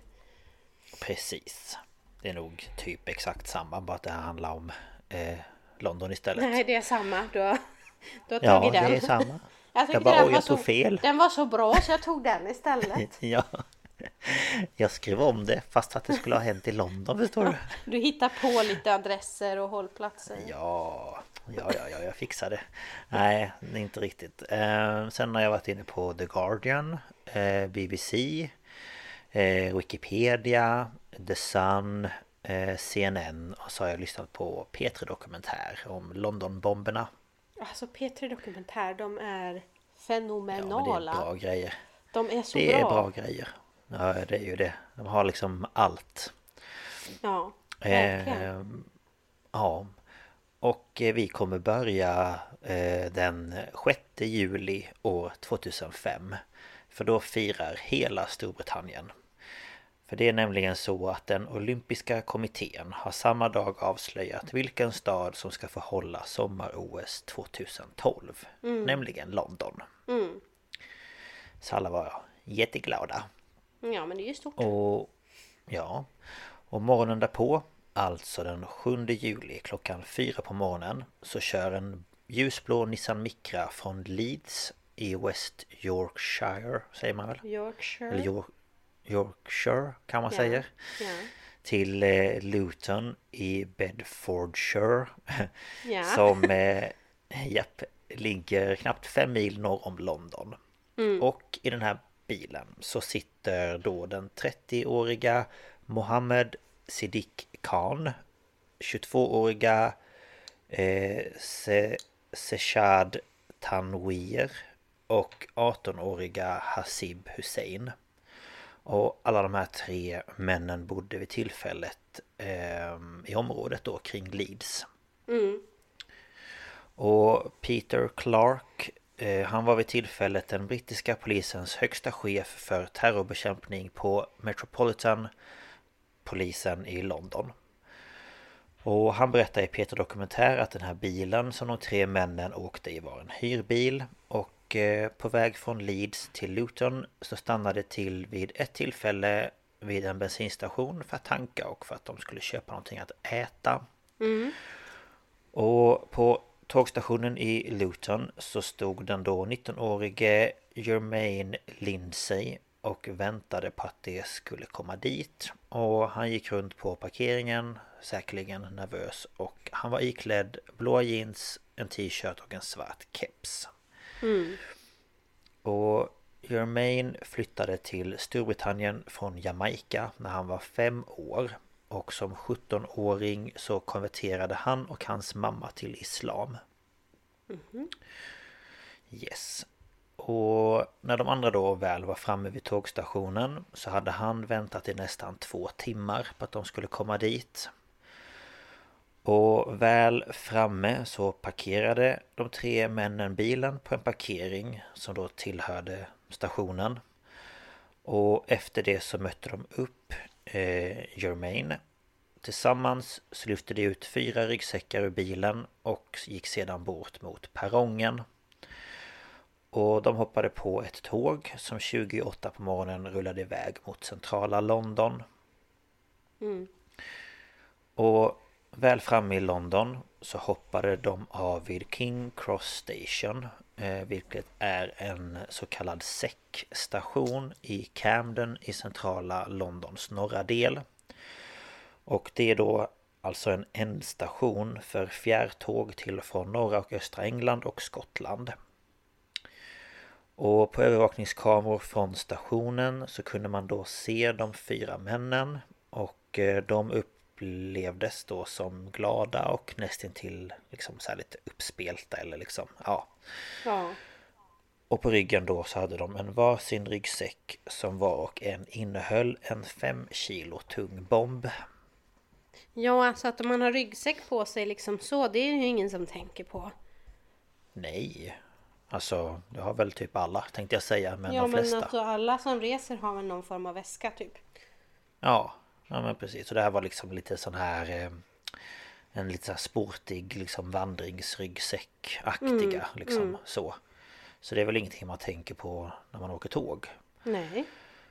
Ehm, Men eh, under då två månaders tid innan det här då så hade de tillsammans blandat olika kemikalier i en hyreslägenhet i Leeds för att de då skulle tillverka de här bomberna. Och ingredienserna de använde hade de då köpt i vanliga affärer så att det liksom går att få tag i för vem som helst.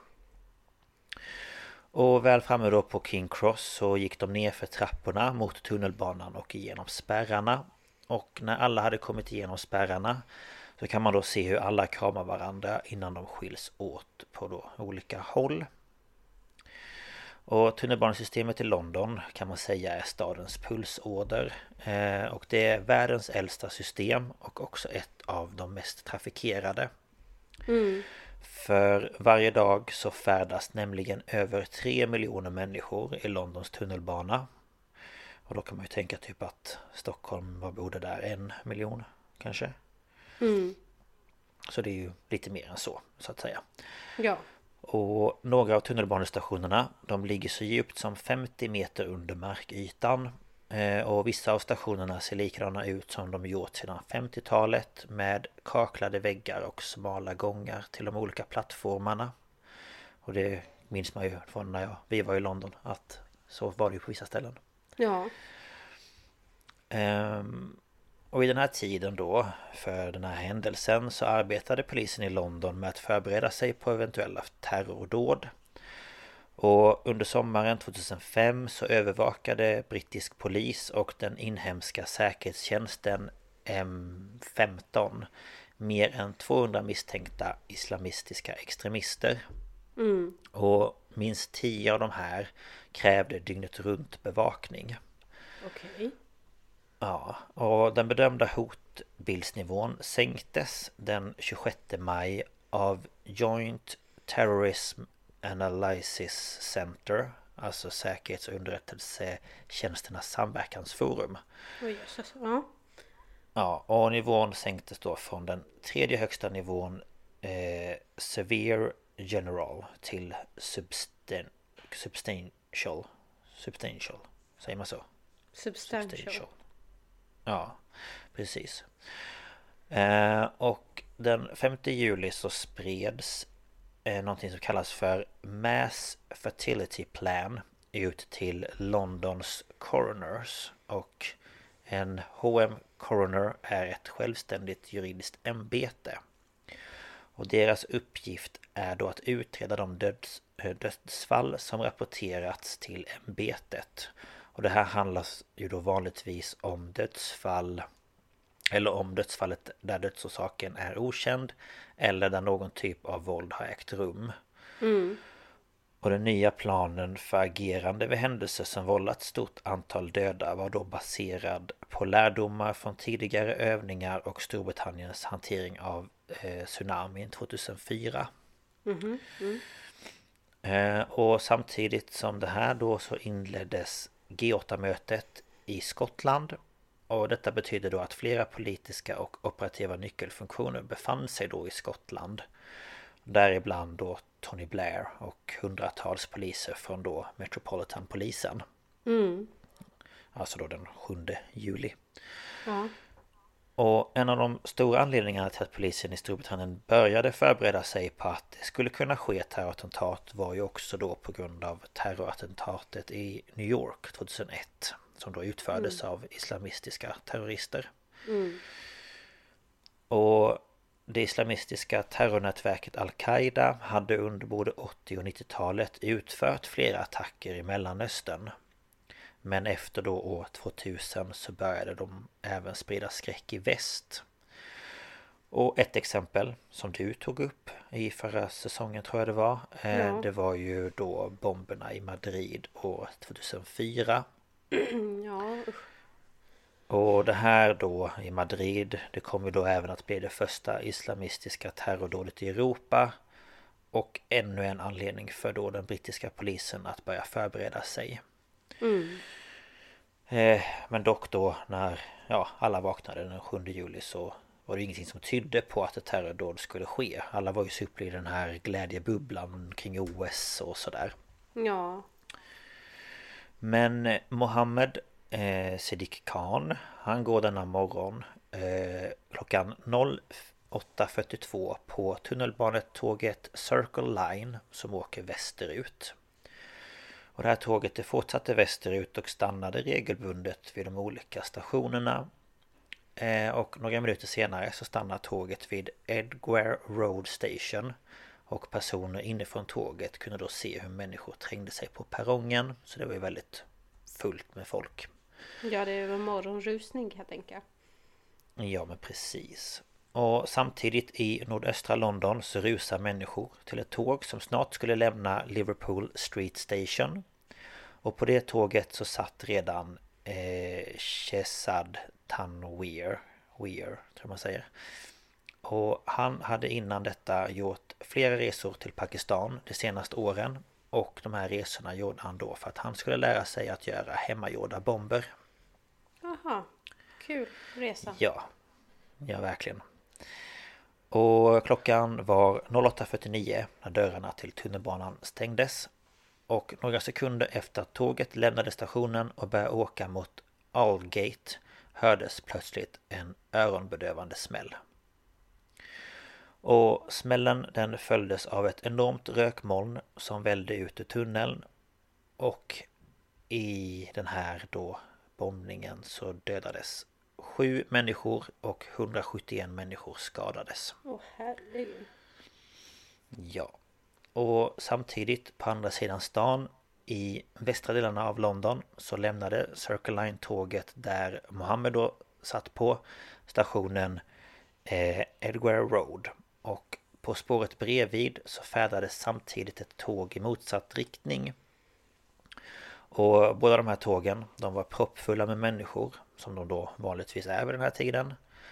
Och när de båda tågen var bredvid varandra så tryckte Mohammed av tändningen till den hemmagjorda bomben som då låg i hans ryggsäck. Mm. Och personer som befann sig på tåget och som då överlevde den här attacken har senare berättat att ljudet av bomben gjorde att de tappade hörseln temporärt. Ja, men det förstår man ju. Ja, och eh, de beskriver hur det kändes som att allt gick i slow motion. Eh, och de som befann sig på tåget förstod först inte vad som hänt. Utan tänkte att det kunde ha varit fråga om en kollision mellan två tåg. Mm. Och människor som då var inne i tåget där eh, explosionen hade skett De kunde inte se någonting eftersom röken var så tjock Och det här var liksom ingen vanlig rök utan den ska ha varit väldigt tjock och liksom kletig Alltså Det gick liksom att typ ta på den Men fy Ja Eh, och vid den här tiden då så hade det gått 50 sekunder från dess att den första bomben exploderade vid Allgate eh, Station. Och ytterligare 50 sekunder senare på andra sidan av en park åker ett annat tåg på Piccadilly Line mellan Kings Cross och Russell Square. Mm. Och det här är då en av de mest trafikerade linjerna i London. Tåget var proppfullt och det ska ha varit 127 personer enbart i den första vagnen. Åh oh, herregud! Ja, och en av dem som var i den vagnen var Jermaine Lindsay. Och han detonerade nu också sin bomb och här så dog 26 människor. Mm. Vilket man kan förstå när det är så packat. Ja, verkligen. Det är ju där det farliga ligger i det här med rusning och, och hur mycket folk det blir och... För jag vet när jag var i London med min fru för några år sedan Vissa ställen det var liksom man fick ju Man fick någon armhåla i näsan och man fick Även alltså det var ju så proppfullt så man liksom stod nästan och andades någon annans andedräkt liksom Ja, ja fy eh, Så det är ju inte sådär jättemycket space. Nej, det är det verkligen inte. Nej. Ehm, och eh, vid eh, Edgware Road så försökte nu människor att sparka på dörrarna för att de då skulle öppnas. För att den här röken, den var så tjock att det inte gick att andas. Ja. Och det var även helt kolsvart i och runt tågen då all el hade slagits ut. Och det hängde ju liksom kablar överallt och ja, det var ju ja. helt galet. Och på tåget bredvid så började nu människor försöka ta sig till det här tåget då där explosionen hade skett. Och de hittade då järnrör som de använde för att slå sönder rutorna med. Och på så vis så kunde de då klättra igenom fönstret och in i det andra tåget. Och eh, väl där möttes de då bland annat av människor som då hade dött av den här explosionen. Eh, och eh, nu så hade tre bomber detonerat vid tre olika platser runt om i Londons tunnelbana inom loppet av två minuter. Mm. Men för Hasib Hussein som då bar på den fjärde och sista bomben hade ännu inget hänt. Och efter att det hade gått några minuter så gick han ut från tunnelbanan och upp mot gatan vid Kings Cross.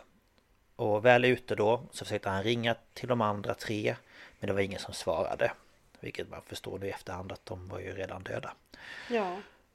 Ehm, och det man nu har förstått också i efterhand det var att hans bomb slutade fungera som den då hade tänkt att den skulle fungera. Mm. Och det var då därför han tog sig bort från tunnelbanan och gick sedan till en affär där han köpte batterier. Eh, för att den var väl driven av det, tänker jag. Eh, och eh, klockan kvart över nio, alltså 25 minuter efter de tre bomberna, så beslutade polisen i London att hela tunnelbanesystemet skulle stängas. Ja. Och samt att samtliga stationer skulle utrymmas. Och det här ledde ju då i sin tur att tiotusentals människor välde ut från tunnelbanorna och gatorna då. Och bussarna började ju istället fyllas på med människor. Ja. Och Hasib eh, fortsatte att röra sig i samma kvarter eh, och eh, han bestämde sig till slut för att han skulle tränga sig på buss nummer 30. Och det här var då en sån här klassisk röd dubbeldäckare. Mm. Eh, och han bestämde sig för att sätta sig på andra våningen långt bak och där ställde han ner ryggsäcken på golvet. Och samtidigt som han då kom in i bussen så fick busschaufförerna information om att de var då tvungna att stanna och släppa av alla sina passagerare. Så busschauffören på den här bussen, han stannade därför för att berätta det för människorna. Och nu var klockan 13 minuter i 10. Plötsligt så hördes en explosion och människor som befann sig då i närheten kunde se hur den här dubbeldäckaren exploderade. Oj jösses. Ja, och återigen så fylldes luften av svart tjock rök och hela taket på bussen rycktes loss av kraften från explosionen och landade en bit bort. Mm. Och här så dödade Hasib 13 människor i bussens bakre del och över 110 människor skadades. Mm. Och en timme efter explosionen vid Edgware Road så höll fortfarande civila på att hjälpa de skadade då ingen räddningstjänst ännu hade lyckats ta sig fram. Och en man hörde bland annat en kvinna skrika och eh, hon kunde då inte se någonting för att hon hade fått glassplitter i ögonen. Och hennes ena knä var ur led. Och mannen berättar då i Peter Dokumentär hur han tog sig till henne och att kvinnan bad att han inte skulle lämna henne. Och det var då något han lovade att han inte skulle göra. Och uppe vid ingången till tunnelbanestationen så vällde det ut rök och endast en ensam polis hade lyckats ta sig till platsen. Ja. Och samtidigt så strömmade skadade människor upp från stationen och många av de här människorna blödde och hade allvarliga brännskador. Men efter ett tag så kom äntligen ambulanser och polisbilar till platsen och runt omkring i hela London kunde man nu höra ljudet av sirener. Men nere i tunnelbanan så hade räddningstjänsten fortfarande svårt att ta sig fram. Och i tåget som Mohammed satt i hade nu sex människor dött och 163 skadats. Herregud. Ja, och det tog en och en halv timme innan den första räddningspersonalen kunde ta sig fram till tunnelbanetåget vid då Edgware Road. Eh, och det är ju just också för att, eh, jag ska lägga till det, att det var ju svårt att komma ner i tunnlarna.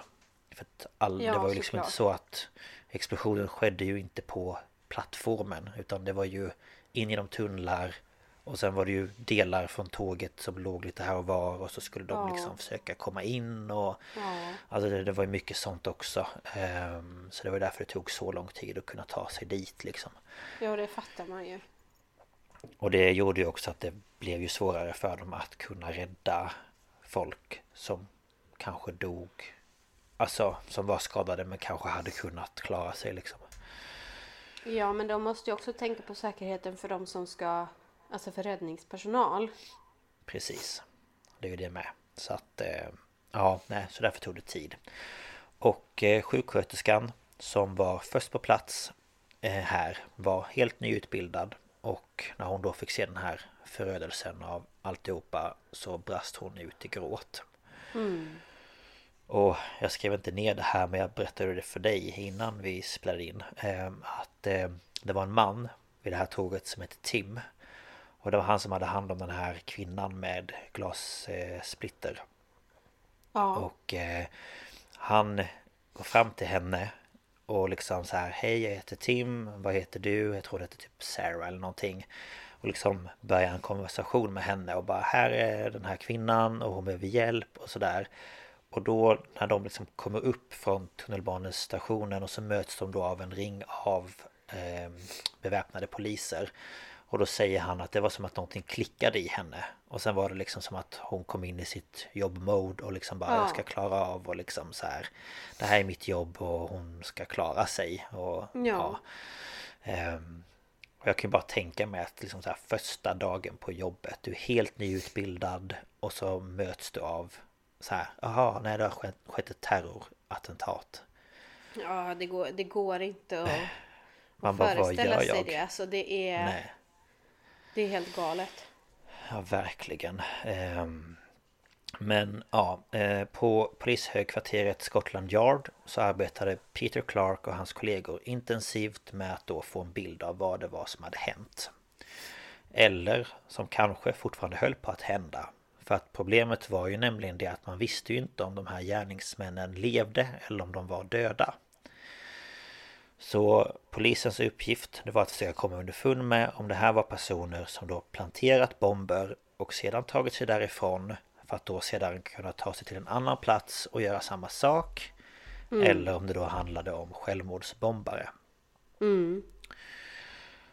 Och samtidigt som allt det här hände i London så eh, i Leeds då så gick den 27-åriga småbarnsmamman Hasina Patel och väntade på att hennes man skulle komma hem. Och de hade då varit gifta i fyra år och hon var gravid med deras andra barn. Och hon hade plötsligt eh, fått blödningar och var då tvungen att åka in till sjukhuset. Men hennes man Mohammed Sadiq Khan kom inte hem. Nej, det förstår man ju. Ja, och Hasina försökte ringa och lämna röstmeddelanden men fick inget svar. Och hon tog sig därför till sjukhuset och där fick hon reda på att hon tyvärr hade fått missfall. Nej, vad tråkigt. Ja, och när hon då kom hem igen så slog hon på tvn och fick då för första gången reda på vad som hade hänt i London. Ja.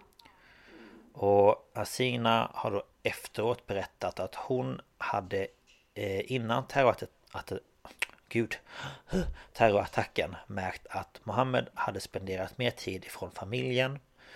Och han kunde då spendera några dagar hemifrån och Hasina trodde att han kanske var deprimerad eller var liksom mådde dåligt psykiskt. Och hon kunde liksom inte riktigt sätta fingret på vad det var som var fel. Alltså jag måste bara, om det här kommer med på ljudspelningen så är jag hemskt ledsen för min mage låter jättemycket. Jaha, Och jätte, jättehögt. Så jag ber om ursäkt om det kommer med. det vet man aldrig men... Det är som eh, att ja, den nej. försöker toppa sig själv för varje gång. Den bara nu tar vi en oktav högre. Ja, jag ber om Ja, ja. ursäkt om det kommer med i alla fall. Ja, vi får väl se. Jag tror knappt att det gör det för jag pratar Nej, ju men vi får se. det. Ja. Eh, Men eh, ja, många av de människor som förlorade sitt liv i den här attacken de var ju unga. Av de 52 personer som miste sina liv så var 39 av dem under 40 år. Och förutom då de fyra gärningsmännen som dog så skadades omkring 700 personer. Det är helt Eh. galet många alltså. Ja, det är jättemånga. Tycker jag i alla fall, men ja. Um, och två veckor... Varför kan jag inte prata? Två veckor. två veckor efter attacken, den 21 juli, så hade saker och ting börjat kännas mer som vanligt igen i London. Och man hade fått igång tunnelbanetrafiken och människor började röra sig ute som vanligt igen. Men då försökte fyra nya män detonera nya bomber i tunnelbanetrafiken. Men de nya självmordsattackerna misslyckades och ingen kom till skada, som tur var. Eh, och på grund av ytterligare ett försök så började nu den brittiska polisen att kartlägga alla potentiella terrorister igen som då så befann sig i landet. Ja. Och poliserna eh, var efter de här attackerna livrädda för fler självmordsbombare och hade fått order om att om de misstänkte att någon var en självmordsbombare så skulle de sikta mot huvudet så att personen inte skulle kunna utlösa bomben. Ja. Men snälla Nox, du kan inte komma här nu. Vem då? Jaha. Ja men... Hallå, Nox. det här är, jag använder den här. Kan du... Nej. Nu Ehm, hoppar han nog ner. Så. ja. Och en dag så träffade polisen på en man i en tunnelbanestation som hade en stor jacka på sig. Och den här jackan upplevdes som bylsig och poliserna de vågade inte chansa.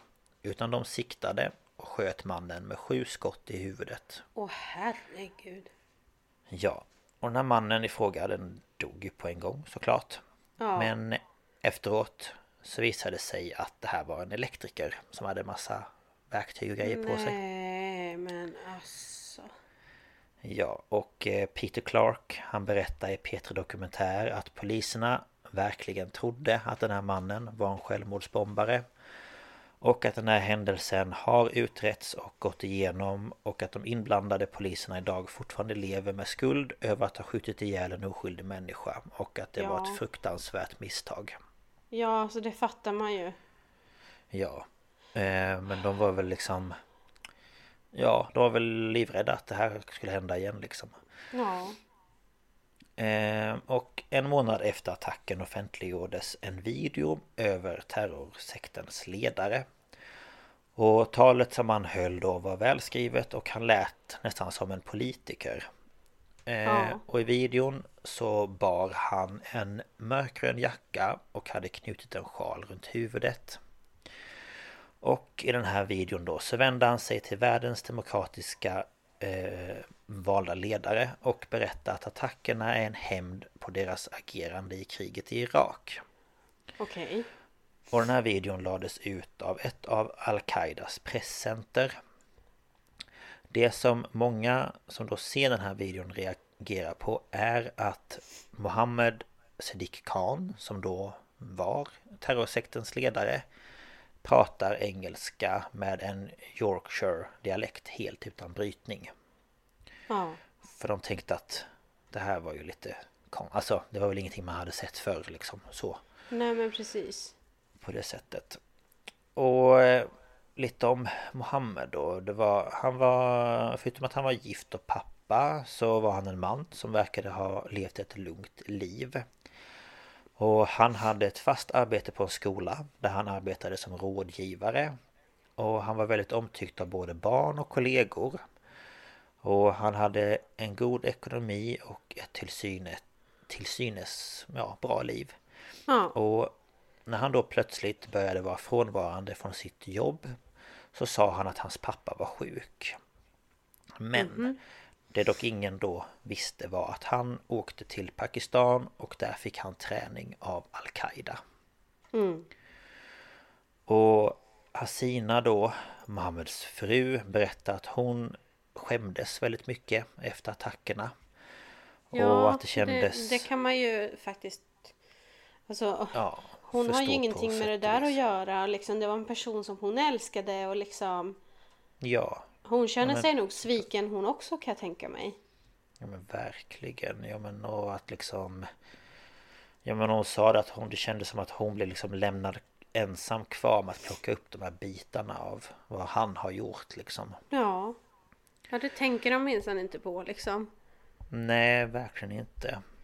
Och samma, eh, inte samma dag, men hon får även ett avskedsbrev från polisen en dag som då Mohammed hade lämnat till en av sina vänner. Okej. Och eh, i det här brevet då så stod det bland annat att han var ledsen för alla lögner och sitt svek och att han hoppades att hon skulle förlåta honom och att han hoppades att hon skulle kunna försöka förstå varför han gjorde som han gjorde. Och han hade då även lämnat 400 pund som han då ville att hon skulle använda till barnen. Bara det att han fick ju aldrig veta att det andra barnet inte klarat sig. Nej. Um, så hon sa ju det också i intervjun att han... Eh, ja, han hade väl tänkt sig att nu lämnar jag kvar min fru och mina två barn och de kommer ha det bra. Men sen så får hon missfall samma dag liksom. Mm. Um, men det var det faktiskt. Um, Åh fy, alltså det var ju... Ja, det är ju också det... hemskt. Alltså det... Ja, verkligen. Ja. Att de här gärningsmännen var ju inte jätte... Alltså han var ju 30 men de andra var ju inte jättegamla. Den yngsta var ju 18 liksom. Nej, jag har för mig att det var så i Madrid också. Ja, jag har också för mig att det var något sånt. Men eh, ja, och eftersom alla de fyra dog så kunde de ju liksom inte... Det kunde inte bli någon följd för dem utan de, var, de är döda liksom. Ja, ja, jo. Det blir ju ingen rättegång eller så. Det är svårt att åtala en, en avliden människa. Ja, det är ju det. Så att... Eh, nej, men... Eh, så det var det. Det är ju också hemskt. För det blir också så många som drabbas. Ja, och det, var, det är just det man kommer ihåg. Att det var så likt mellan eh, Madrid och London och att det var så nära inpå och... Precis. Man trodde ju inte att sånt kunde hända i Europa, eller hur ska man säga? För det var ju Madrid och så var det London och så var det Nice och sen så var det ju det där i Bataclan. Ja. Och sen var det väl Drottninggatan. Ja, så det här i Nice, det var ju inte i tunnelbanan utan det var ju det som startade det, det, här med att de körde in fordon bland folk. Just det, men var inte det i Paris också? Jo, det var i Nice. Och sen var det, det var ju precis efter jag hade varit där med, med din fru. Ja, precis. Då körde de in i den stora julmarknaden. Och sen var det ju, jag tror att det var flera ställen i Tyskland. Och så Just, var det ju ja. i London och sen var det ju på typ London Bridge. Och sen Drottninggatan. Ja. Så det startade ju någon ny våg av det här med att Precis. köra in fordon bland folk. Ja just ja, för det där med eh, London Bridge det kom ju upp nu när jag eh, researchade om det här också. Ja. Um, som ett av liksom så. Um, ja, nej, men, men de misstänkte väl efter, efter de här med, med tunnelbana och pendeltågen att, att det kunde ha varit planerat att det skulle ske i flera städer. Mm. Men ja, jag, eh, jag vet inte om de kom fram till att det var det. Men Nej, man kunde ju nästan tro det eftersom det är så lika tillvägagångssätt. Ja men precis. Det är det ju. Men eh, ja, nej, så att eh, så var det med det. Ja, så det är ju det är intressant men hemskt. Jag vet inte riktigt hur man ska förhålla sig till det. Nej men precis. Det är väl Alltså Det är ju obehagligt när det kommer så nära på sätt och vis. Ja. Alltså att man ja. eh, Eh, och som vi pratade om när vi tog upp förra grejen att vi var liksom Det här med Drottninggatan att jag jobbade i Stockholm och du var på väg dit och hela den där biten att det blir ja. liksom Och då man... hände det där med att de stannade bussarna och alla skulle kliva av, det hände ju mig Ja, precis Jag var ju på väg, vi skulle ju ha, på, vi skulle ha AV Ja eh, Och eh, Jag var på väg in, jag skulle möta er kollegor när ni slutade Mm. Och jag kom till Solna. Och där fick jag kliva av pendeltåget och sen så lyckades mm. jag kliva på en buss. Och sen så tvärnitade han och alla fick kliva av. Och jag kunde Precis. inte ta mig från Solna. Jag fick ingen hjälp. Jag kunde inte ta mig därifrån. Nej, nej men Alla precis. var strandade. Jag vet inte hur länge man stod där liksom. Nej, det var länge. Och du hade någon godis du hade köpt med dig som du satt och åt när jag kom. Ja, för att vi skulle ju äta mat. Så jag hade inte, mm. jag hade inte ätit heller. Så jag kan tänka liksom Nej. Det här när allting bara stängs ner och människor inte vet vad de ska göra. Och så tänker man, ja ah, men det går mm. bussar. Nej, okej, okay, bussarna går inte. Och den enda bussen Nej. som går, den, där har någon placerat en bomb. Och det liksom... Mm. Det blir ju Ja, kaos och man vet inte var finns min anhöriga? Kan jag ta mig dit? Jag kan inte ta mig dit. Jag kan inte ta mig hem. Vad ska jag göra? Alltså det... Nej men och jag minns ju också att Att man liksom Verkligen så här förlitar sig på att något ska gå för att jag eh, Fick reda på det när jag var på jobbet Och så var det så här, Ja. ingenting går Ingen tunnelbana, inga bussar, ingen eh, pendeltåg, ingenting Och jag bara, Hä, hur ska jag ta mig till Solna? För det var ju min första liksom orosgrej att hur ska jag ta mig dit? Ja. Och så var jag så här, kan jag gå dit på något sätt? Och så började jag titta på vägar bara, men hela liksom innerstan var ju avstängd Ja. Eh, centralen var ju avstängd och jag bara... Jag Ja men alltså när tåget vad- stannade då har jag för mig jag skrev till dig bara Jaha nu är det signalfel som vanligt. Tåget är sent. Mm. Och sen så fick jag så här sms och bara är du okej? Min brorsa hörde av sig och bara är du okej? Jag hörde att du skulle till Stockholm. Det, är- det är terrorattentat. Och jag bara men lägg av. Vad säger du? Vad, Ja, lägg av. Det där är inte kul. nej Och sen så mig. liksom började fler och fler säga det omkring mig och liksom Nej det var... Nej usch. Det var... Och jag, vi hade ju föräldrar som hade varit på Drottninggatan som kom liksom Mm. till jobbet och skulle hämta sina barn och så här var helt uppgivna liksom. ja. Men... Ja, så att det är eh, ju inte liksom det, det är så traumatiskt på så många nivåer för så många människor. Mm. Och liksom, nu, jag kan ju inte jämföra med att det var traumatiskt så för mig. Men det vart väldigt jobbigt för mig för jag jag har ju ångest av, av olika slag och liksom och bara bli avkastad, dumpad. Jag har typ varit i Solna fem gånger i mitt liv. Jag hittar ingenstans, ingenting. Och ingen kunde hjälpa mig, ingen ville hjälpa mig. Och jag visste inte hur jag skulle ta mig hem, jag visste inte hur jag skulle ta mig in till Stockholm, jag visste ingenting. Nej. Nej jag vet att jag gick ju till slut med en kollega till Slussen och där kom en vän och hämtade upp henne med bil och då fick jag åka med till Solna. Ja, Ehm, Så det löste sig till slut. Och sen precis när jag hade kommit så kom ju det ett tåg som åkte mot Uppsala så vi sprang som dårar ner till perrongen. Och ja, hoppade på det här tåget och sen var vi väl hemma någon gång vid 10-11 eller något sånt på kvällen. ja, och jag tror vi köpte med oss mat och gud vet allt och... Ja. Och vi Ja, skulle, nej. jag var ju, klockan var ju typ ett kanske när, när allt det där hände så liksom Mm. Det tog ju lång tid, det tar ju lång tid innan saker och ting kan börja rulla någorlunda Och speciellt då när det, när det blir såna här explosioner, det blir såna mycket skador, det måste ju städas, det ska utredas, det ska kollas så all, all liksom struktur är okej Alltså det är, Ja, nej, det är det är helt mycket. galet alltså Ja, hur, mycket det, hur mycket det kostar ett samhälle när de blir utsatt för något sånt här. Visst gör det det. Ja, nej, det är hemskt. Men eh, ja, det var det vi hade att bjuda på den här veckan. Ja. Eh, jag har ingen koll på vad det är för ämne nästa vecka så om du vill avslöja det så får du göra det. Eh, ja, du kan väl säga var man kan nå oss medan jag letar här. Ja.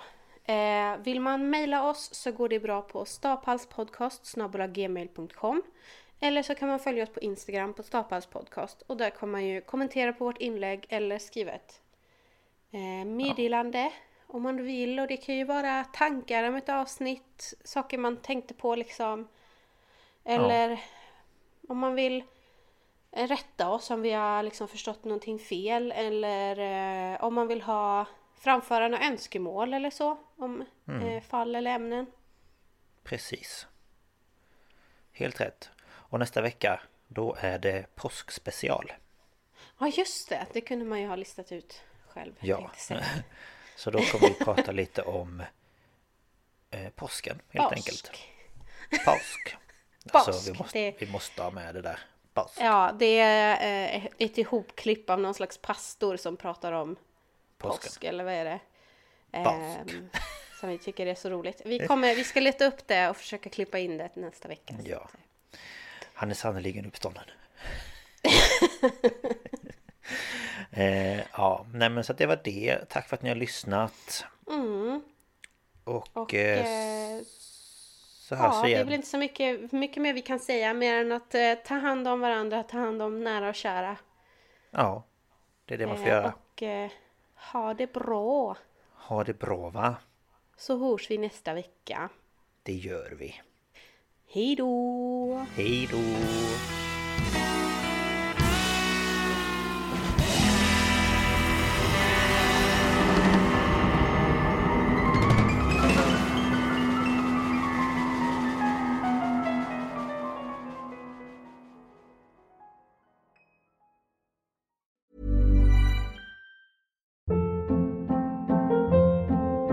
Hold up. What was that? Boring. No flavor. That was as bad as those leftovers you ate all week. Kiki Palmer here, and it's time to say hello to something fresh and guilt-free. Hello Fresh. Jazz up dinner with pecan-crusted chicken or garlic butter shrimp scampi. Now that's music to my mouth. Hello Fresh. Let's get this dinner party started. Discover all the delicious possibilities at hellofresh.com.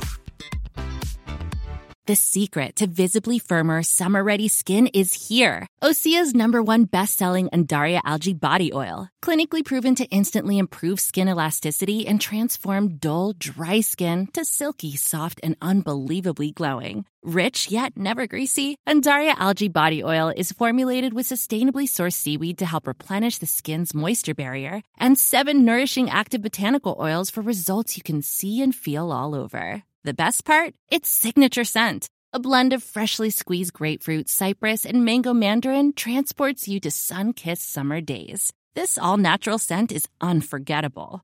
Everything Osea makes is clean, vegan, cruelty free, and climate neutral certified, so you never have to choose between your values and your best skin. Get healthy, glowing skin for summer with clean vegan skincare from Osea.